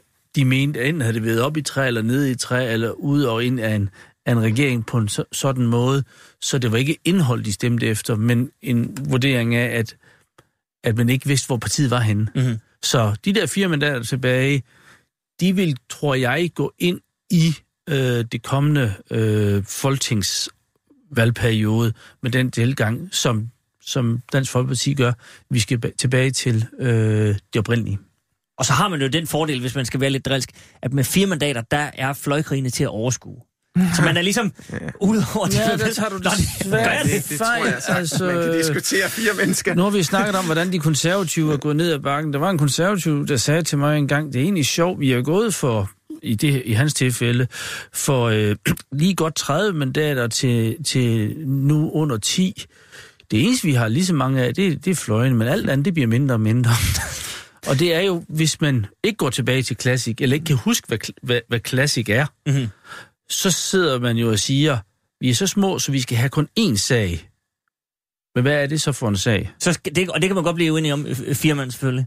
Det... Det, det er jo svært, svært for Liberal Alliance, tror jeg. Også en ny formand, som hos de fleste er ret ukendt, øhm, som skal forsøge at spille sig ind på en bane der. Altså, og, og altså, hvis Venstre har en ny formand, der hedder Christian Jensen, så kan det jo godt være, at han eller Jacob Ellemann for den sags skyld, at han æder det sidste det, altså fordi det vil blive et mere liberalt projekt formentlig, æder de sidste rester af LA. Det, Jeg jeg tror, det ser svært er- ud. Jeg, jeg tror, at den nye formand for LA har den fordel, Mm, at han er ny. yeah. Der er ingen, der kan kigge på ham og sige, Nå ja, han var med til dengang, de kravlede op i et træ, eller Nej, nej, dengang. det er altså, vi enige om. han kommer, han kommer med, med, som et nyt, frisk øh, Mm. øh, pust. Ikke i forhold til... Jeg siger ikke, det bliver nemt. Jeg siger bare, at al logik tiltaler jo, øh, tilsiger jo, at det her parti må være færdigt nu. Al logik. Ja. Men jeg er ikke sikker på, at logikken holder nødvendigvis i det her tilfælde. Jeg tror, jeg vil godt give det lidt odds. Der er små odds. Og nu vi er ved oddsene, skal vi så bare lige hurtigt tage, Karl, øh, odds på, hvem der er formand og næstformand i Venstre øh, øh, til november, Jamen, når landsmødet er overstået. ja, men de odds er jo blevet, øh, er jo blevet annulleret i mit tilfælde på grund af insight-viden. Okay, så du, der er ikke noget insider-spil øh, hos dig. Og, og, men, og, og det, jeg forsøger at snakke ud af, det er, at, øh, jeg lader som om, jeg ved noget, men, men det dækker jo over, at, at jeg ikke aner det. Øh, jeg tror, formanden er Lars Lykke. Jeg tror, næstformanden er øh, Christian Jensen. Og det tror jeg også, de er efter øh, landsmødet i øh, november. Når jeg så forsøger at joke med det, så er det fordi, men jeg tror ikke, det kommer af sig selv, altså roligt. så der vil, der vil være en del terapi op til november. Det vi har oplevet de sidste øh, øh, par uger efter valget, eller efter sommerferien, det har sådan ligesom været en debat, hvor man har pustet noget tandpast ud af en tube. Det er meget svært at få tilbage igen. Jeg forstår, jeg forstår. Karl, vi stopper her, fordi vi skal have en omgang nyheder, og i øh, næste time, huha, der skal vi forbi den nye regering. Der er jo sådan set også rigeligt at tale om, så øh, vi ses på den anden side af nyhederne. Du lytter til Radio 24 /7. Velkommen til Huxi og det gode gamle folketing med Huxi Bak. Velkommen tilbage her til det gode gamle Folketing. Hvis du øh, lige har stået på, så er du simpelthen gået glip af en hel times øh, analyse af tilstanden i Venstre, og i virkeligheden tilstanden i øh, stort set hele Blå Blok, og en lille smule kratten over hos øh, Socialdemokraterne. Dem tager vi til gengæld fat på nu. Og når jeg siger vi, så er det Helle Dein, Karl Holst og Kenneth Christensen Bert. Øh, de herrer og den dame. Vi har fået en ny regering. Og det er et stykke tid siden, men det er, det er nyt for os her i det gode gamle Folketing, fordi vi har også været på sommerferie, så vi har slet ikke rigtig sådan fået, fået øh, fingrene i den endnu. Øhm, men det er jo en øh, etpartiet regering, det behøver jeg ikke fortælle jer, det er bare sådan til almen oplysning det her.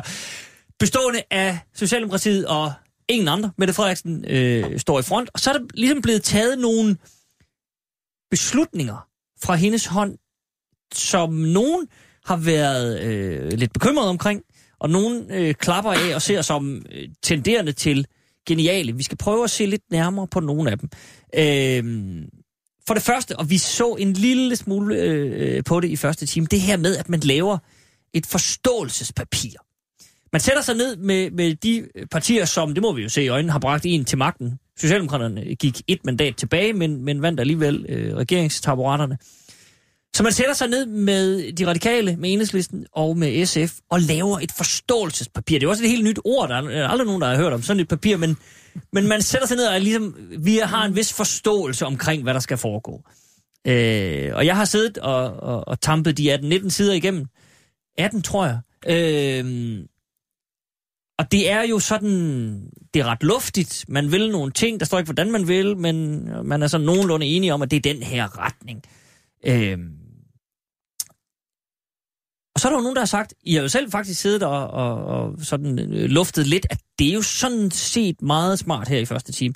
Øh, Helle Dein, er det ret smart med sådan en forståelsespapir, fordi så er man ikke bundet op på noget, og der var jo den der løftebrudsdiskussion fra 11, der, der, der skræmmer lidt. Er det egentlig et rigtig godt træk, Mette Frederiksen har lavet her? Jeg synes jo, det er klogt.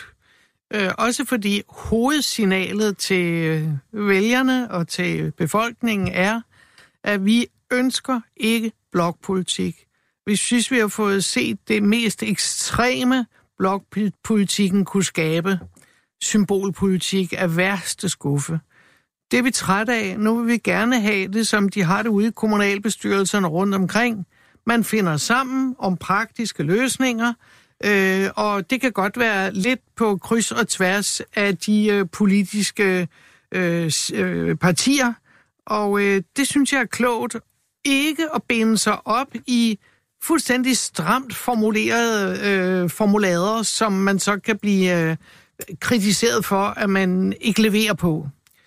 Man fortæller, hvad retning det er, og det prøver man så at hjælpe hinanden med at nå resultater på nogle bestemte områder. Så jeg synes, det er en meget, meget flot forhandlings, øh, både processen og også resultatet. Det lægger op til et samarbejde øh, med de øvrige partier. Og derfor sidder Socialdemokratiet i hvert fald lige i øjeblikket bare og venter lidt på, at nedsmeltningen i blå blok øh, ligesom falder på plads øh, på i et eller andet øh, ny, øh, hvor, hvor partierne definerer sig selv på ny, sådan at vi har nogen at spille bold med. Og det synes jeg er, har været en drømmestart for Mette Frederiksen. Og øh, vi håber jo, altså det er for at sige det på demokratiets vegne, på folkestyrets vegne, at det snart øh, falder på plads, altså efter partiernes øh, landsmøder og årsmøder og sådan noget, øh, og inden vi øh, skal have, have den der finanslov på plads også. Fordi det var arbejde foregår jo allerede nu. Øh, regnedrengene er i gang i Finansministeriet, og var ikke så længe, så får Finansudvalget også et udspil øh, at sidde med. Så jeg synes, det har været et flot papir, og det er et flot stykke politisk øh, håndarbejde med det indtil nu er leveret. Men mesterstykket, svenestykket, kommer jo, om hun kan lave en finanslov på det. Så det Ja, det er vel i vi virkeligheden det, vi skal frem til. Ja. Fordi et forståelsespapir er et flot stykke papir, men det er trods alt blot et stykke papir. Ja, 18 stykker papir. Men Ken Christensen Bert, det kan være fuldstændig ligegyldigt, hvis ikke man kan få øh, strikket en, øh, en finanslov sammen, som, som Heldein siger, ikke? Jo, jo, men det her, det her er taktisk smart på to måder. Det er taktisk smart, fordi Socialdemokratiet ikke bundet af noget som helst, Mhm. mm-hmm. reelt set. Og det er taktisk smart, fordi man har startet med at inddrage sit parlamentariske grundlag og fået det parlamentariske grundlag til at få en, et slags ejerskab til det her papir. De, begge de ting er smarte. Jeg ville faktisk lidt have ønsket, at Lykke måske havde gjort noget lignende for fire år siden, så tror jeg, vi var kommet langt. Men det er historie, det kan vi ikke. Det, der selvfølgelig så er udfordringen i det her, det er jo, at det der forståelsespapir, det er jo også, altså, man kan jo ikke bare sige, Nå, så ligger det her, og nu springer vi så i kanen med Venstre eller alle mulige andre. Fordi det var jo det, der skete i 11-15, og alle husker Johannes Schmidt Nielsen og noget med, at der var nogen, der pissede på nogen. Øh, og jeg tror bare, at enhedslisten, de kan, de, kan ikke, de kan ikke holde til det der en gang til. De kan simpelthen ikke holde til det der en gang til. Så, så det, bliver, det bliver interessant at se, hvor meget de vil tillade Socialdemokratiet at arbejde ind imod de borgerlige partier. Og det bliver også meget interessant, tror jeg, at se det radikale venstre, hvor, hvor meget de vil have på udlændingeområdet. Altså, jeg, jeg synes faktisk i virkeligheden, de har fået, de har fået relativt meget. Altså, det her midlertidige børnetilskud, øh, som bliver indført nu, det er efter min mening, det, altså det, det kan godt blive en, en, altså virkelig give problemer for Socialdemokratiet, fordi det er, det er, de der ydelser er så afgørende i forhold til tilstrømningen. Øh, og og når, det, når de falder på plads, man finder ud af, hvor meget ekstra man får. Man har ydermere en, en, en, hvad hedder det, en ydelseskommission, der skal sidde og se på, skal der gives endnu flere penge osv. Altså, det, det er efter min mening der, hvor Socialdemokratiet kan falde på, øh, på, på den der, i, øh, altså op til, til næste mm-hmm. valgkamp. Øh, fordi Og faldet, så mener du, at enhedslisten øh, jo faktisk klart via Pernille Skipper har meldt ud, at der er nogle, nogle, nogle streger i sandet, der er nogle røde linjer, man vil ikke stå i netop den situation, som Johan Schmidt Nielsen stod i. Ja. At man Og bliver jeg- tørret i en, øh, Og i en jeg, finanslov. jeg tror også, man, altså, jeg tror, jeg tror også, man skal også kigge lidt på læren af, af de her fire år, hvor jeg har mødt mange vælgere i valgkampen, som mente, at vi skulle have trukket tæppet under regeringen i forskellige sammenhænge. Øh, og det gjorde vi så ikke. Jeg tror, at jeg tror simpelthen ikke, at øh, jeg tror, at enhedslisten vil ikke nødvendigvis være bange for at trække tæppet, fordi det, det, kan, det kan godt være, at det kan lade sig gøre for enhedslisten at vinde på det, reelt Mhm. set.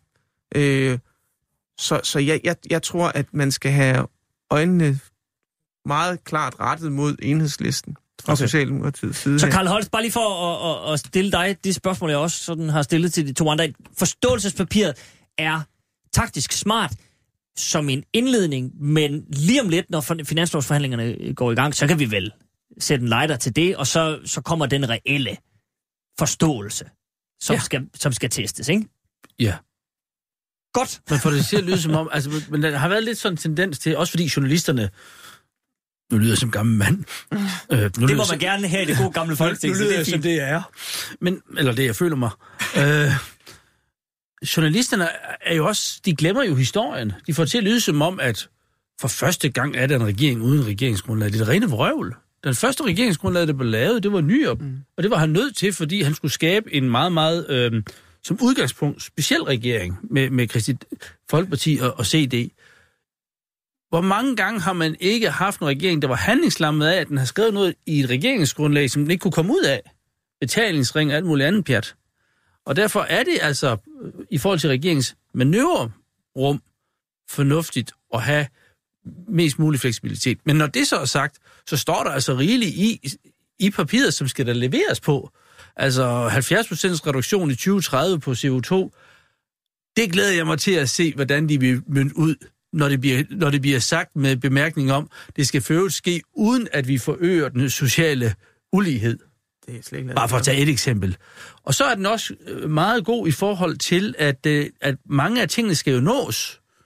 Bare ikke i denne valgperiode, men i 2025, nummeringer i børnepasninger og så videre, og så videre. Der står, altså jeg har aldrig haft et forståelsespapir, hvor målsætningen skulle indfries, ikke i indeværende valgperiode, men i den næstfølgende øh, øh, valgperiode. Og så er jeg jo enig med dig, Kent, lige i spørgsmålet omkring enhedslisten og andre, fordi jeg, op, jeg synes, jeg har jagtaget, at i valgkampen, der stod man i kø med ultimative krav. Radikale, SF. Nogen var ude at sige, at de synes, det var alt for mange ultimative krav. SF, og så kom de med nogle dagen efter, meget fascinerende.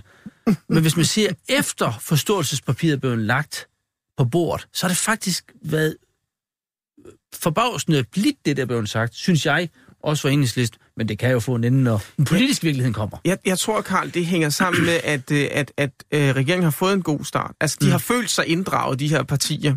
Øh, og det er klart, det, det kan man også sagt. Jeg tror, det bliver en, en relativt fredelig omgang med den her øh, finanslovsforhandling. Det tror jeg sådan set nok. Men, men tiden går jo også.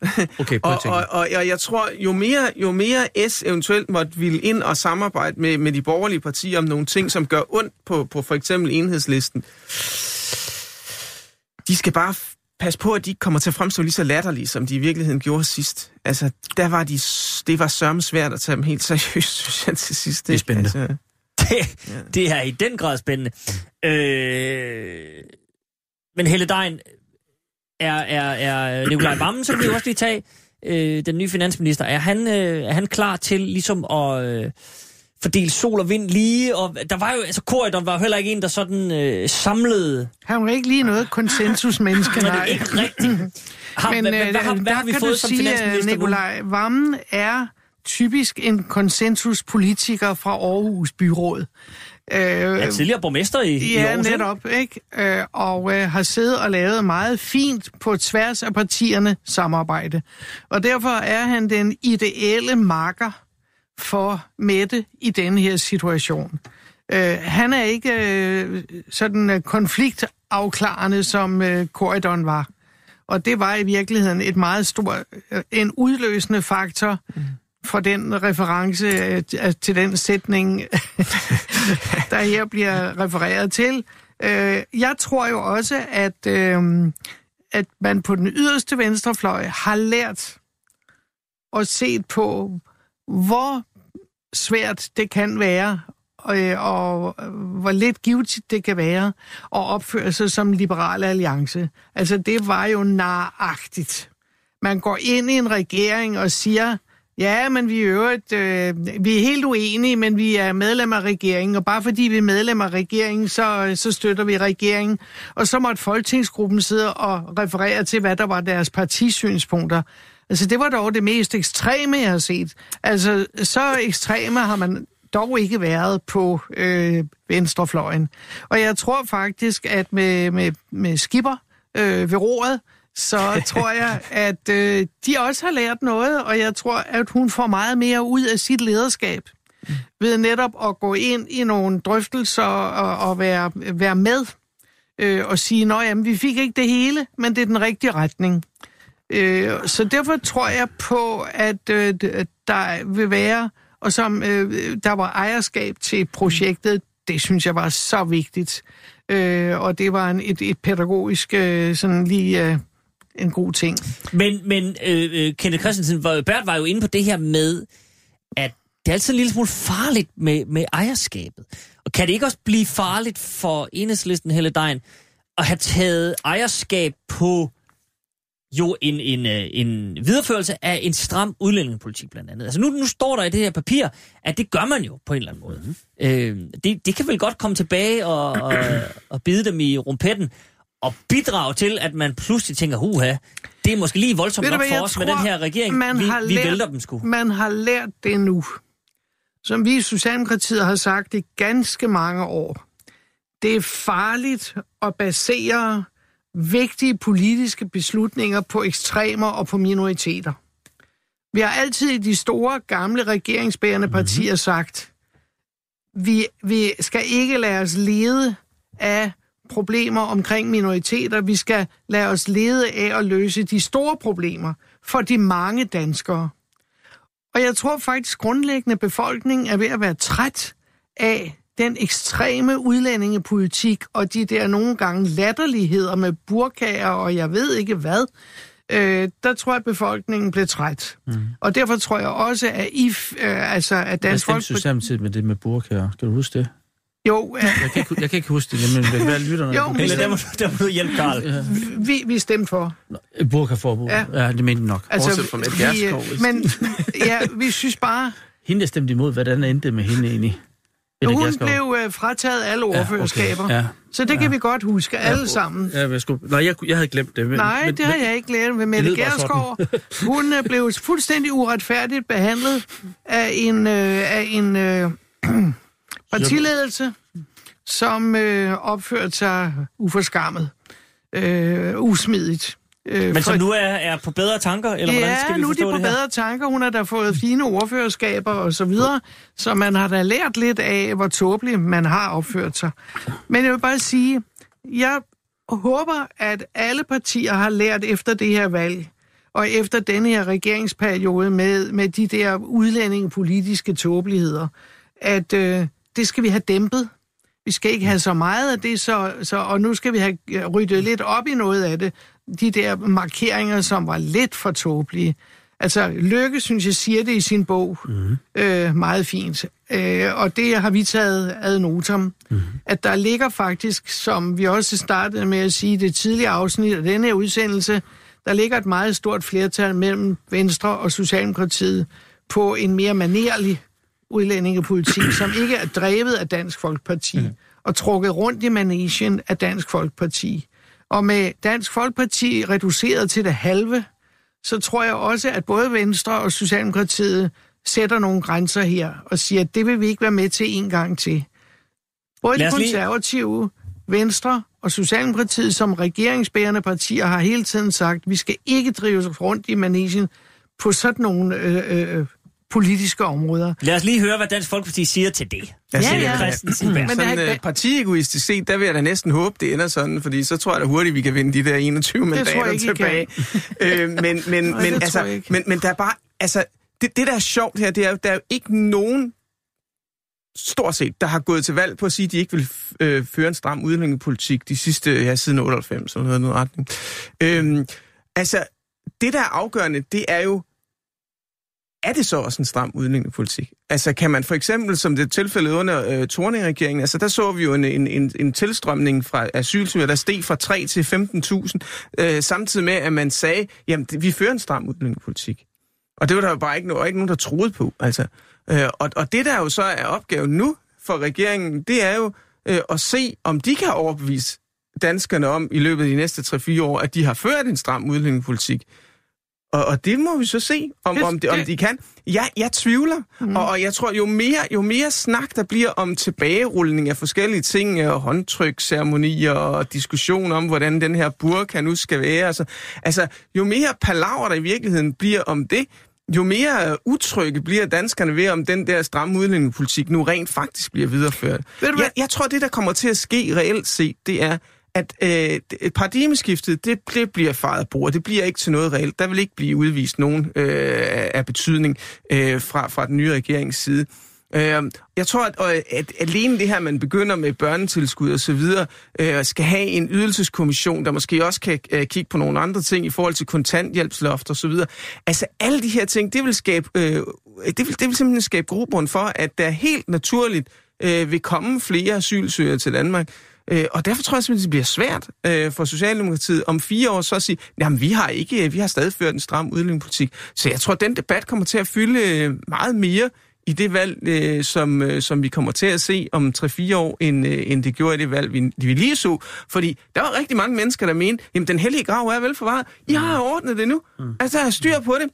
Så er der nogle andre ting, som er vigtige, sådan noget med klima og sådan noget, og børn, og, øh, og, og derfor satte de krydset, som de nu gjorde. Jeg synes ikke, udlændingeområdet var så vigtigt, men det er klart, at, at hvis man pludselig vil og kommer til at opleve en, en, en, en stigning i antallet af asylsøgere igen, jamen, så bliver det et hot issue igen. Det er jeg slet ikke i tvivl om. Slet ikke.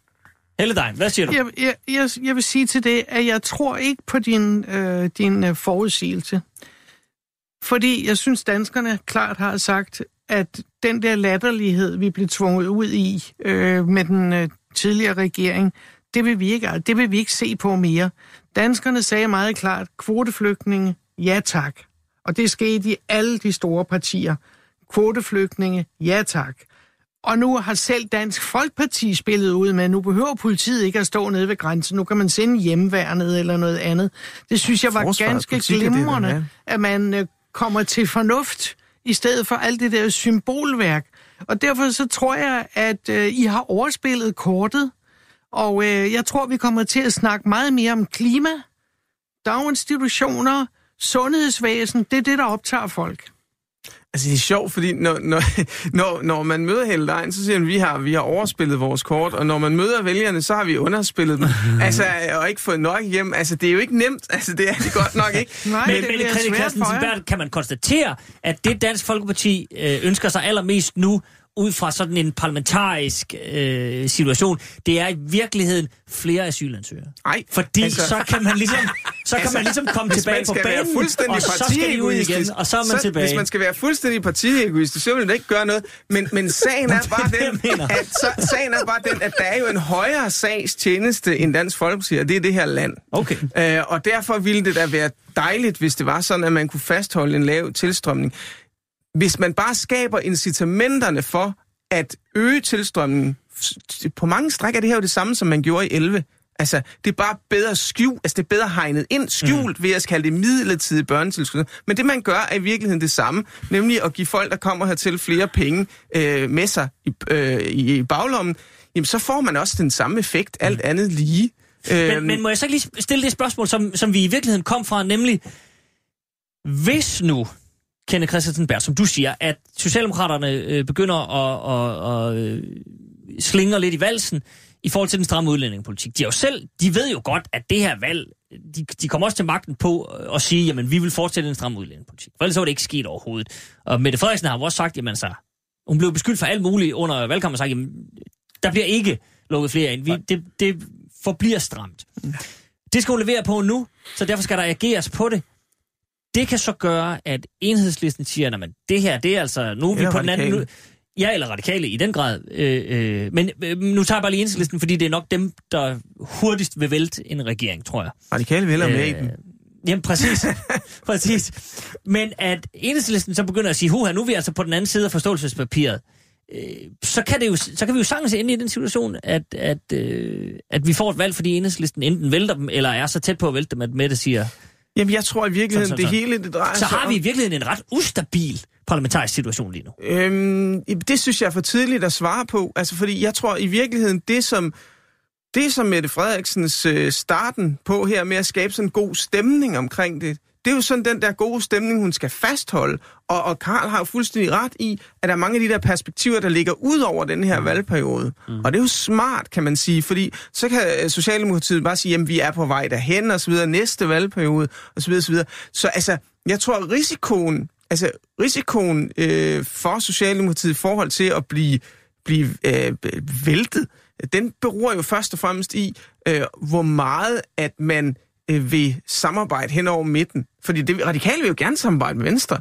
Men enhedslisten kan jo sagtens se nogle problemer i, og, og, og hvis der bliver ført en for borgerlig politik, altså, de har jo klart en ambition om, at det her, det er sådan nærmest en Anker Jørgensen, der vender tilbage, altså for at sige det som det er. Øh, og og det, øh, det tror jeg er meget dårligt for Danmark, men det er så fred med det. Men, men, men, men, men det, det, det, det er der risikoen ligger, efter min øh, bedste overbevisning. Og så ligger risikoen selvfølgelig, og det vil den altid gøre, den ligger i den sidste finanslov inden et valg, og derfor kan det jo selvfølgelig også godt være, at Mette Frederiksen tænker, at det, hvis hun ligger godt i målingen, så den behøver vi ikke tage.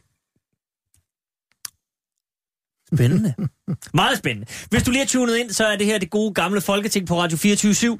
Kenneth Christensen, Bert, Karl Holst og Helle Dein er på tinge hos mig i dag. Øhm, om nu prøver vi lige at... Øh, ja, i virkeligheden kunne jeg tænke mig lige, er der noget... Bare sådan, fordi det, helt, det hele er, er, er nyt og spændende. Karl Holst, er der noget, som nu, nu fik vi nævnt øh, Nikolaj Vammen som finansminister. Er der, er der noget på sådan øh, ministerholdet, vi lige skal, der overraskede dig, eller er, var der noget, hvor man lige skulle...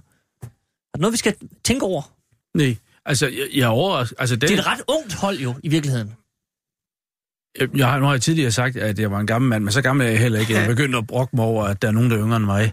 Men, men der er ikke noget, der er overrasket. Men hvis jeg, hvis jeg påstår, at jeg havde forudset, at, øh, at borgmesteren i Roskilde var, ville blive kultur- og kirkeminister, så ville jeg lyve. Joy Mogensen. Ja, det havde jeg ikke øh, forudset, men, men derfor kan man jo godt, selvom man ikke forudser noget, kan man jo godt, når der sker, tænke, nå ja, det er vel egentlig meget godt. Mm-hmm. Så der var ikke noget, der, der øh, overraskede mig. Jeg tror, at nogen får det lidt sværere, end man umiddelbart tror. Og vi har sådan lidt, regeringen er kommet godt i gang, og, og det går jo godt, og hvad ved jeg. Mm. Nicolai Vammen, han skal se at lave en, en økonomiaftale med kommunerne og regionerne. Kommunerne og regionerne har kunne jagtage, hvordan man i valgkampen har snakket meget om, at nu skulle der være slut med nedskæringer og, og flere varme hænder, og hvad ved jeg. Jeg tror allerede der, og ikke kun når vi når til finansloven, men allerede der vil vi opleve øh, de første udfordringer Mm-hmm. for øh, regeringen. Så som altid vil, vil finansministeren få sin sag for. Han, kom, Øh. han kommer ikke øh, til at, at kede sig. Nej. Godt. Bert, hvad siger du?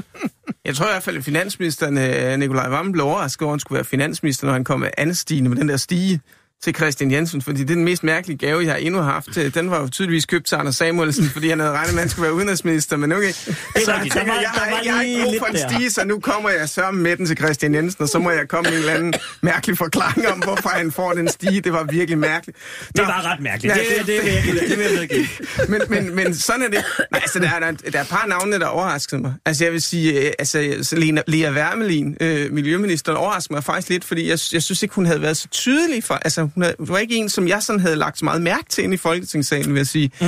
Øh, så, så det overraskede mig måske en lille smule. Øh, og Nej, det overraskede mig også med Jeppe Kofod. Nej, det overraskede da ikke med Lea. Fordi at var det en borgerlig regering, der havde ud, udpeget så mange ministerier mm. med så få kvinder i forhold til, Ja, okay. så, vi, så ville en borgerlig regering af Socialdemokratiet blive angrebet for, at det var et slag mod ligestillingen. Mm. Og hun var ikke beknep.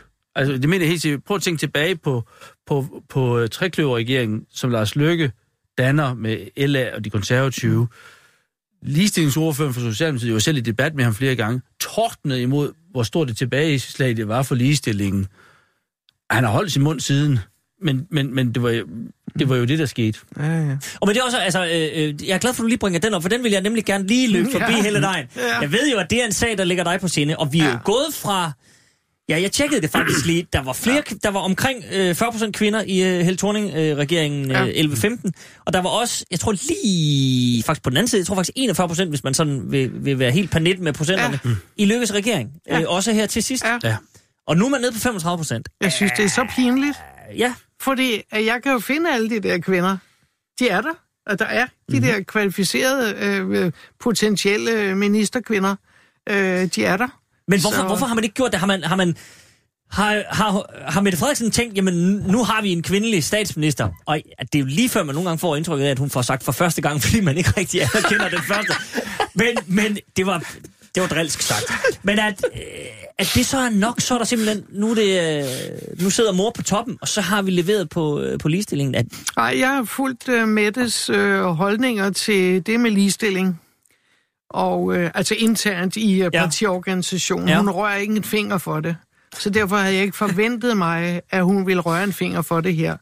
Øh, det er sagt lige ud af posen. Og derfor har hun lagt ligestillingen i et rodeministerium med fisk og nordiske forhold, og jeg ved ikke hvad. Det er så pinligt. hos en mand i øvrigt, kan vi Ja, bare og lige... så hos altså... en mand, som er mere optaget af mindretal og mænds øh, manglende ligestilling. Så det er, det er helt skævt i bøtten, altså, øh, og der er så meget, der skal laves. Så det, øh, det har jeg været meget vred over, og jeg synes, det er så pinagtigt at se på, fordi jeg kender alle de der kvalificerede kvinder, der godt kunne have løftet opgaven. Så i din optik Og- er det ikke, fordi de ikke er der? Nej, de er der. De er i den grad til rådighed. Men hvad, hvad er, det, er det så... Er det så øh, Og når du så spørger om, hvordan det kan ske sådan, Ja. så vil jeg sige, hun har under SAS ledelse af partiorganisationen, der har de fået hævet så mange bords folk ind i ledelsen, altså folk, der har siddet i LO-sekretariater, i bevægelsens egne sekretariater, der har de fået så mange unge mænd ind som nye folketingsmedlemmer, øh, så derfor har opstillingen i Socialdemokratiet været helt skæv med manglende kvindelige kandidater. Øh, og det giver selvfølgelig et resultat. Det giver et billede, øh, som øh, jeg mener både de radikale og SF har tjent nogle mandater på. Altså når man bare der, hvor jeg selv øh, bor i det nordsjællandske område, øh, inden for et kredsområde opstiller mm. seks mænd, så er det klart, så går det jo galt. Altså, så stjæler både de radikale og SF, for de kommer med kvalificerede kvinder, velargumenterede øh, yngre kvinder, og det er enhedslisten jo også et, et eksempel på, at de producerer mange af de der virkelig velfunderede kvindelige øh, kandidater. Og det kan Socialdemokratiet også, men fordi Mette har været omgivet af ja, øh, øh, alle de der unge mænd, så henviser de hende hele tiden kun til unge mænd. Altså, vi har set hvert et pressemøde, hun har optrådt i, så har hun været backet op af fire mænd. Altså, vi kan inde internt i foreningen, der kalder vi dem bedemændene. Fordi de lignede også hinanden alle sammen. Det var det samme tøj og det samme slips og alting. Så de var i karriereuniformen, ikke? Øh, og det var nogle forkerte signaler for de kvindelige medlemmer at sende, og for de kvindelige vælgere. Fordi øh, og det, øh, vi kommer til at betale for det, og vi har allerede betalt for det. Vi kunne godt have fået øh, en, en, øh, øh, en fremgang partimæssigt med, på nogle mandater mere. Øh, men øh, det tabte vi, og Mette tillægger det ingen værdi. Internt i organisationen tillægger hun det ingen værdi. Jeg prøvede også med Rosenkrantz Tejl for at spørge, om hun ville øh, slå et slag for, at øh, vi fik nogle flere kvindelige ministre, øh, borgmestre og kommunalbestyrelsesmedlemmer osv., de vil ikke røre det med en ildtang. Og, øh, og det er pinligt for Socialdemokratiet, og det taber vi en masse mandater og stemmer og, og, og følgere på. Så øh, det, øh, det vil Mette ikke gøre noget ved. Og øh, vi andre må bare fortsætte kampen internt i systemet, fordi vi synes, det er forkert. Men det er jo åbenbart også sådan, vælgerne vil have det. Altså i København så er en stor kreds, hvor jeg stillede op. Altså, der ja. fik I valgt det fire mænd, ikke? Ja, præcis. Øh, og der var to kvinder opstillet, men, men uh, hverken Maria Djurhus eller Anna Sina kunne, uh, kunne komme ind. Nej. Øh, og, og, og, og altså, jeg vil sige, det, det er faktisk, det overrasker mig enormt meget, at der ikke blev valgt en, en socialdemokratisk kvinde. Præcis. Det er enormt meget. Men det der er blevet sige. lagt en mandehørm. Men er det ikke, Ned- rigt... Undskyld. Hvad er, er det ikke rigtigt, at af alle de socialdemokrater, der sad i Folketinget, Ja. som ikke blev genvalgt, der er det hovedparten kvinder? Jo. Er det mandehørmens skyld, eller vælgernes skyld? Det tror jeg, jamen det Altså- er mandehørmen i strukturen. Fordi vælgerne kan jo kun stemme på dem, der er stillet op. Jamen, de var jo Og der har opstillet. været forholdsmæssigt for mange mænd opstillet i forhold Og til jeg tror, Karls pointe er, at der var ja. masser af kvinder, der var genopstillet. Nå, på den ikke, måde. som, Som ikke blev... Ja. Ja, ja, men, men, men, Islik der, og, og Merete Ja. ja. Risa og men, tidligere... men der er vi åbenbart i, øh, i et eller andet øh, et tidsperiode, ja. hvor det ikke lader sig gøre. Øh, jeg vil sige, vi er højdepunktet i ligestillingskampen efter min opfattelse, også lovgivningsmæssigt, var i 80'erne. Siden 80'erne har vi ikke fået lavet reelle reformer på ligestillingen. Vi har fået lavet lidt småfnider, men ikke nogen egentlige øh, justeringer og reformer, fordi vi har et demokratisk underskud, når den kvindelige del af befolkningen ikke bliver valgt ind og ikke er med. Mm-hmm. Det Men helt mener, det- det kan jo- mener jeg det ikke kan jo bare, man skal være, tage at- let. Men det kan, jo, det kan jo være, at Mette Frederiksen ser det som et udtryk for, at hvad skal man sige, siden 80'erne er kampen om ikke vundet, så i hvert fald gået godt, og hun ligesom siger, jamen, det handler om at få de mest kvalificerede på, de, på posterne. Og sådan er det. Og derfor øh, kommer Det John være- Mogensen måske sådan lidt ind Det fra er en højre. provokation og, og, af et argument, du bruger mod kvinder, om at kvinderne ikke har de samme, har- ikke har tilpas med kvalifikationer. Kvinderne har nøjagtigt Mhm. mm-hmm. lige så fine og gode kvalifikationer. De ligger måske nogle andre steder, og det var måske netop det, der ville supplere demokratiet, at Mhm. vi ser vores samfund og mekanikken og institutionerne fra både den mandlige synsvinkel og fra den kvindelige synsvinkel, for vi lever adskilte liv kønsmæssigt.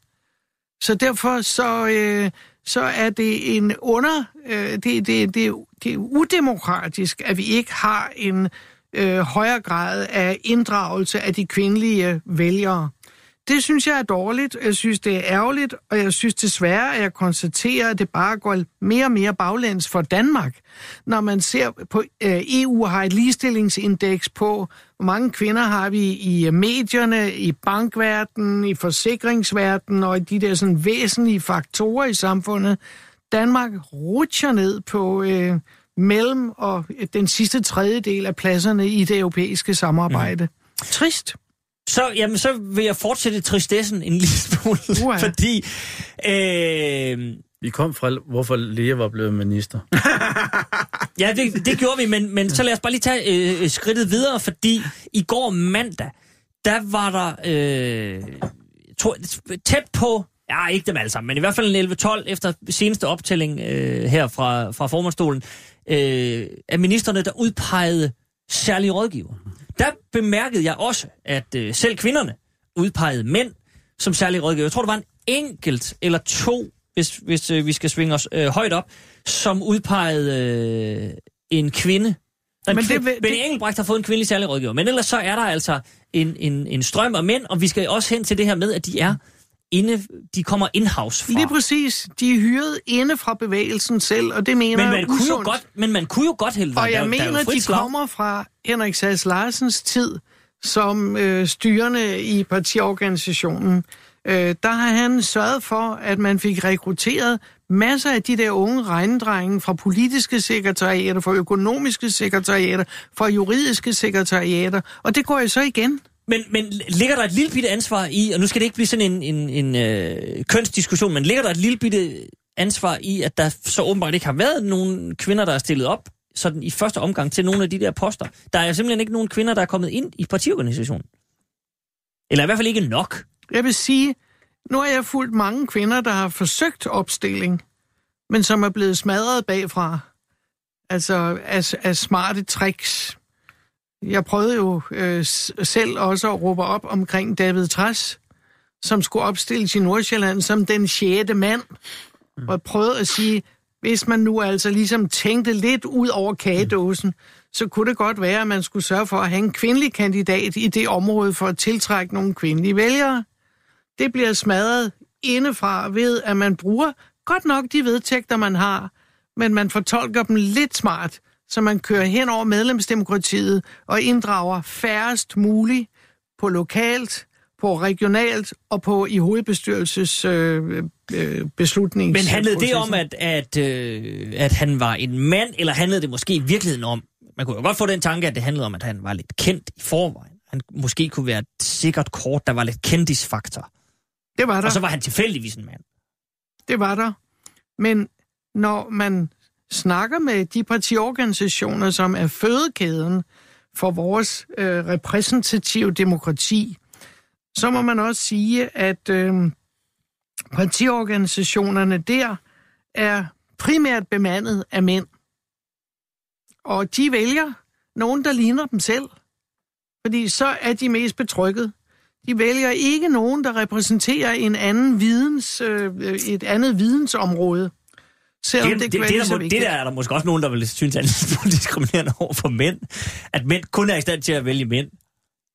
Altså, jeg vil sige, at Nej. jeg oplever det andet, at det modsatte i mit parti i virkeligheden. Altså, i, i Dansk Folkeparti, der, der er der en, en, en hane efter at skaffe kvinder øh, til at, at blive opstillet. Og, øh, og altså, så, så, altså jeg, jeg må sige, jeg har jo ingen forudsætninger for at svare på, hvordan det er i Socialdemokratiet, men jeg kan sige, at i Dansk Folkeparti, der er der en, en, en ekstremt stor lyst til kvinder. Om man, Også blandt så, mændene. om man så må sige. Godt, venner vi hvad, vi sætter lige punktum for, for, for den del af debatten nu, fordi vi har et, et øh, godt kvarter tilbage, og det er vi simpelthen nødt til at bruge på øh, Martin Rossen.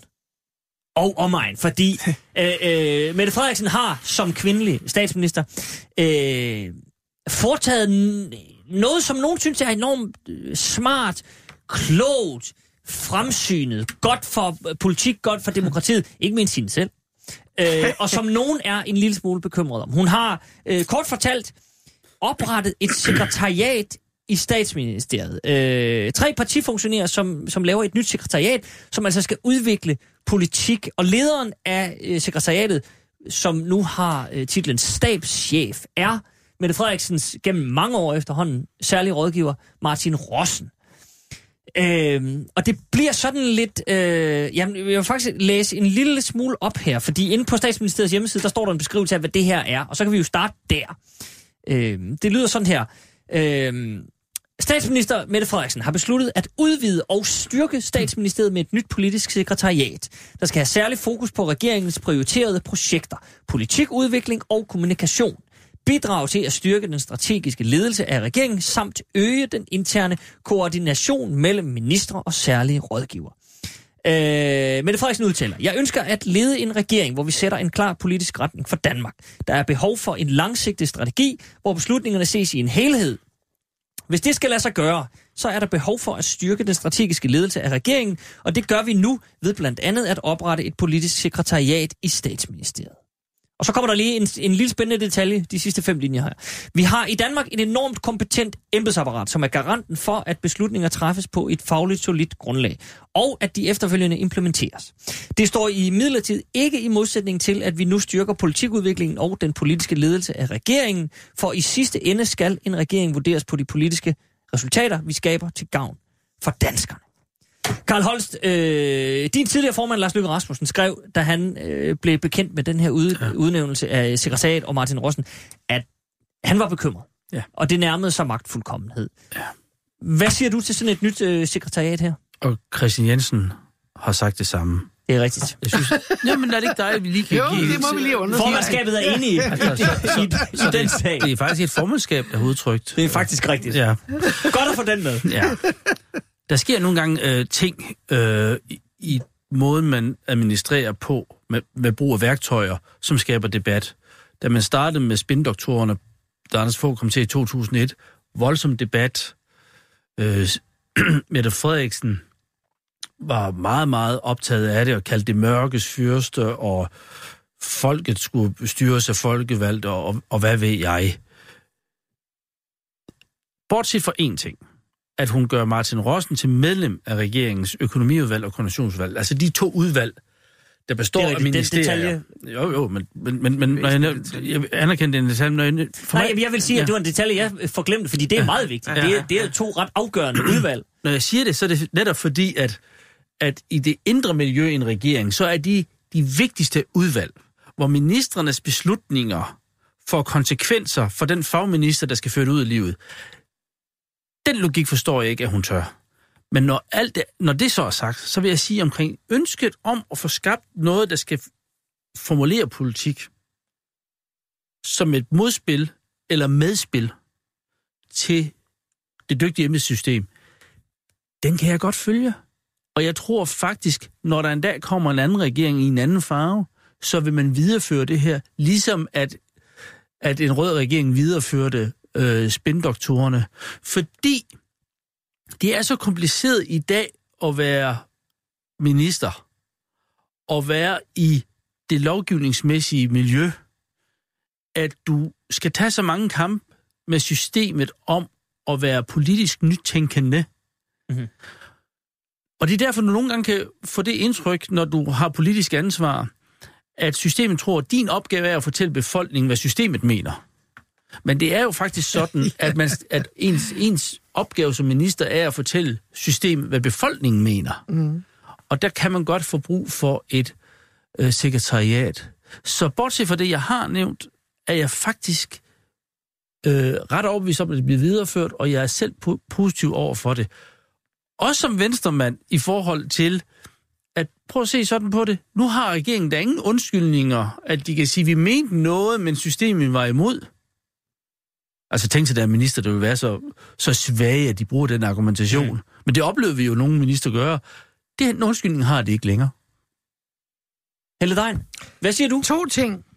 For det første mener jeg, at vi har et demokratisk underskud, fordi centraladministrationen, den er vokset, den er blevet større, større, øh, de der sekretariater og så videre, så du sidder meget ensomt som minister, det kan både Karl og jeg jo snakke mm. med om. Vi har siddet, og jeg har siddet mm. i Udenrigsministeriet, hvor det er et kæmpe apparat, der ja. ligesom siger det, som Karl også siger, mm. at det er os, der rådgiver dig, mm. og vi synes, du skal sige sådan og sådan. Øh, der har man brug for Og der, når jeg siger, der er et demokratisk underskud, så vil jeg sige, at vi har i Socialdemokratiet for nogle år siden foreslået, at vi fik som i Norge og Sverige en viceminister eller en statssekretær. For simpelthen at styrke det folkevalgte niveau i en regering og i forhold til magtkampen med centraladministrationen.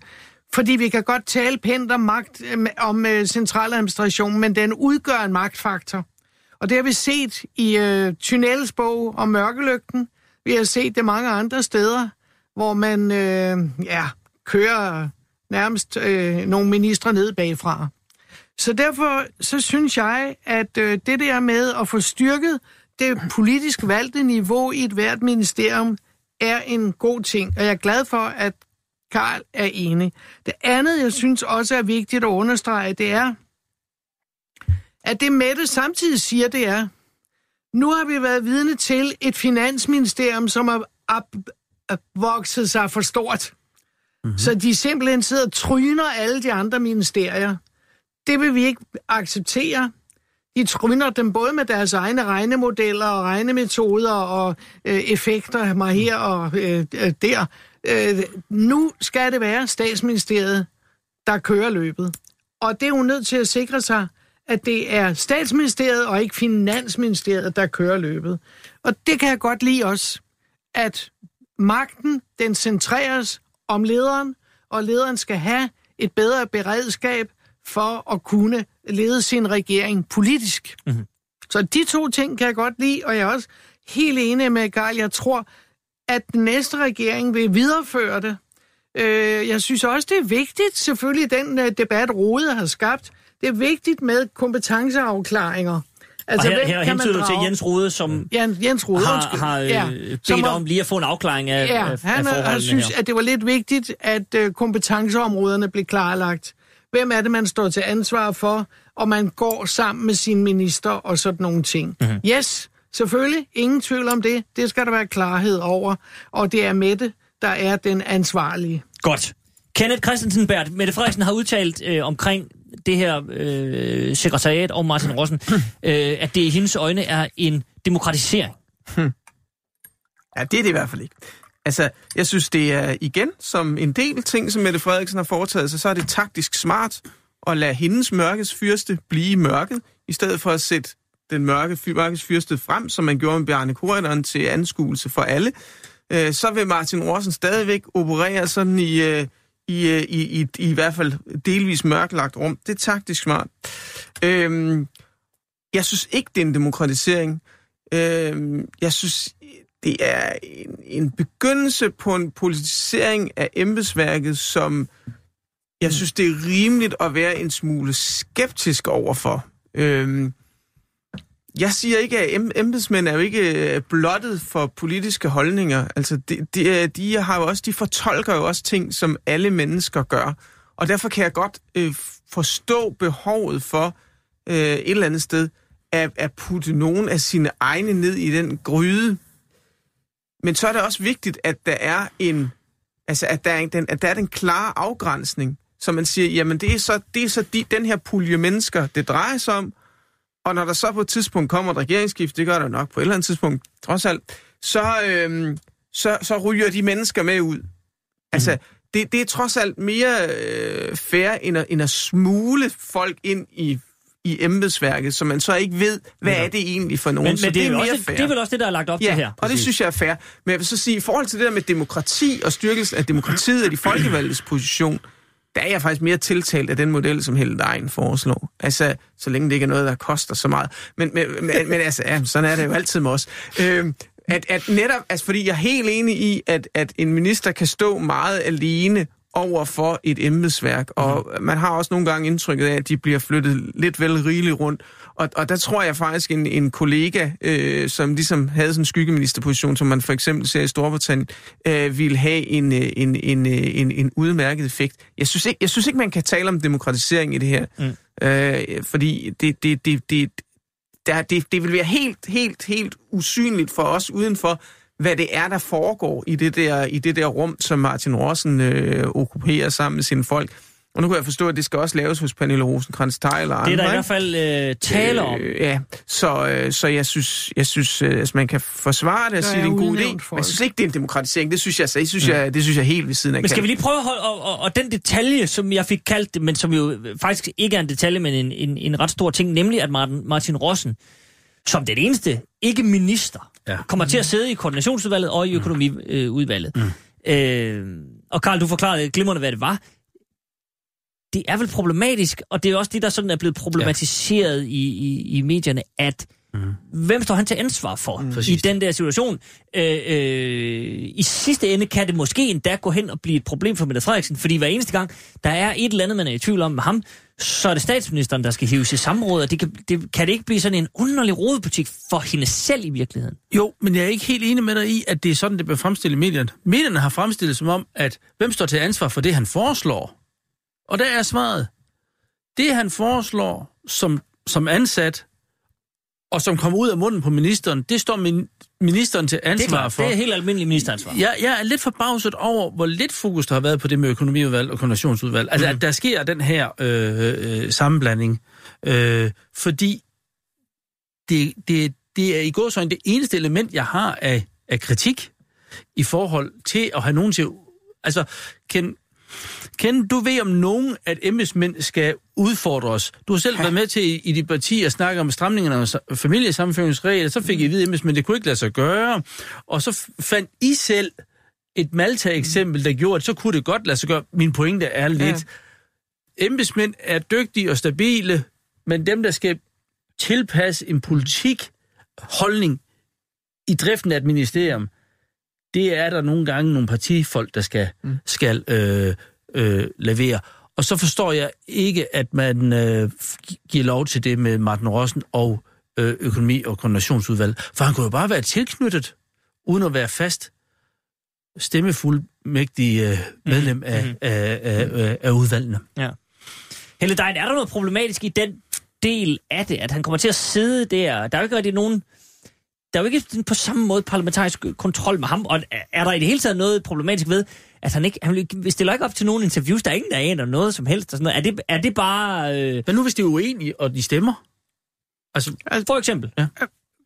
Jeg vil sige, at nu bruger vi begrebet, det er en demokratisering. Mm-hmm. Ja, det er en meget lidt vag beskrivelse. Jeg synes, det, Det- hedder det er jo Mette at Frederiksen, der bruger styrke. Ja, ja, ja, det ved jeg godt. Mm-hmm. Men, men, men jeg synes hellere, hun skulle have beskrevet det som, at jeg ønsker at styrke det folkevalgte element. Mm-hmm. Sådan, at de folkevalgte kan komme igennem med det, de vil igennem med i forhold til et meget øh, volumøst øh, embedsapparat. Altså i forhold til partiernes embedsapparat, i forhold til Folketingets embedsapparat. Altså i andre lande, der har man parlamenter, som har egne økonomiudvalg, som har egne øh, juridiske udvalg. Her har vi det liggende i ministerier. Ja, og det, det er sådan noget, hvor jeg siger, ja, her er der også noget, der knager Men, for men mig. Karl, må jeg så ikke spørge dig, fordi nu, nu, nu, nu bliver det næsten fremstillet som om, at embedsværket er denne store koloss, som har sin egen dagsorden, Ja. som vil alt muligt. Ja. Altså, det her Ja. ja. falder vel også tilbage på, Ja. ja. at hvis man vil noget politisk, så må man komme ind som minister. Det er jo ikke en, en, det er jo ikke en post som komi et eller andet sted. Nej, og det vil man må komme også ind være til mig. Som Ja. ja. stærk ja. minister og sige, nu skal I høre her. Ja. Det, det er far, skråstrej mor, Ja. der bestemmer her, øh, og, og, og så retter I ind. Og så har øh, embedsværket ja. vel ikke nogen anden dagsorden end det? Og derfor er det også vigtigt for mig at understrege, at det er ikke en kritik af dygtige folk, jeg taler om, men der er bare nogen, der bliver embedsmænd, fordi de er gode til at være embedsmænd, altså køre systemet. Og så er der nogen, der bliver politikere, fordi de ikke vil køre systemet, men vil forandre systemet. Og de to mindset kolliderer altså nogle gange, og der er der altså, der kræver det ret mange kampe som politiker at køre sin egen øh, politiske dagsorden igennem. Og hvor mange gange har vi ikke oplevet, at det hedder sig, Inger Støjberg var uenig med embedsmændene, Eva Kjær Hansen var uenig med embedsmændene, Mette Frederiksen var som beskæftigelsesminister uenig med embedsmændene, og det får altid sådan snært af, okay, hun, hun er magtfuldkommen, hun lytter ikke til embedsmændene. For mig er det da en styrke, Ja. at man siger til embedsmændene, tak, Og så også tak for kaffe. Men nu skal I høre, hvad det folkelige mandat, jeg blev udstyret med, fortæller jer. Og hvis vi ikke får det, at det er politikere, der går ind ad døren som politikere og skal stå til ansvar for politikere, så får vi et problem. Det værste mm. eksempel, det er Lars Christian Lilleholdt, der i forbindelse med en række sager jo sagde, jamen det er noget Energistyrelsen har fundet ud af, og jeg vil ikke blande mig, for det armslængde. Jamen halli, hallo. Hvad er det? Lad os da føre det helt ud i livet. Lad os bare få nogle styrelser. et, et, et styrelsesstyre. Det lyder frækt. Ved I hvad? Øh, øh, vores tid er simpelthen gået. Der, der er 40 sekunder tilbage, jeg vil, og jeg vil så frygtelig gerne øh, nå at sige... Vil du sige noget? Det skal være meget kort, Heldejen. Jeg vil bare lige sige, jeg bare refererer til mørkelygten. Ja. Som et meget, meget ubehageligt eksempel på, at embedsapparatet har fået den opfattelse her gennem de senere år, at de til enhver tid skal styrke ministeren. Og ikke altid på det saglige grundlag, men hvor man bruger sandheden øh, i, i øh, afmålte doser. Godt. Så fik vi også det med. Så kan jeg trods alt lige nå at sige tusind tak, fordi du kom Heldejen. tak også for første gang, forhåbentlig ikke sidste gang, til Karl Holst og øh, Kenneth Christensen Bært. Vi er tilbage næste uge, samme tid, samme sted. Tak for i dag.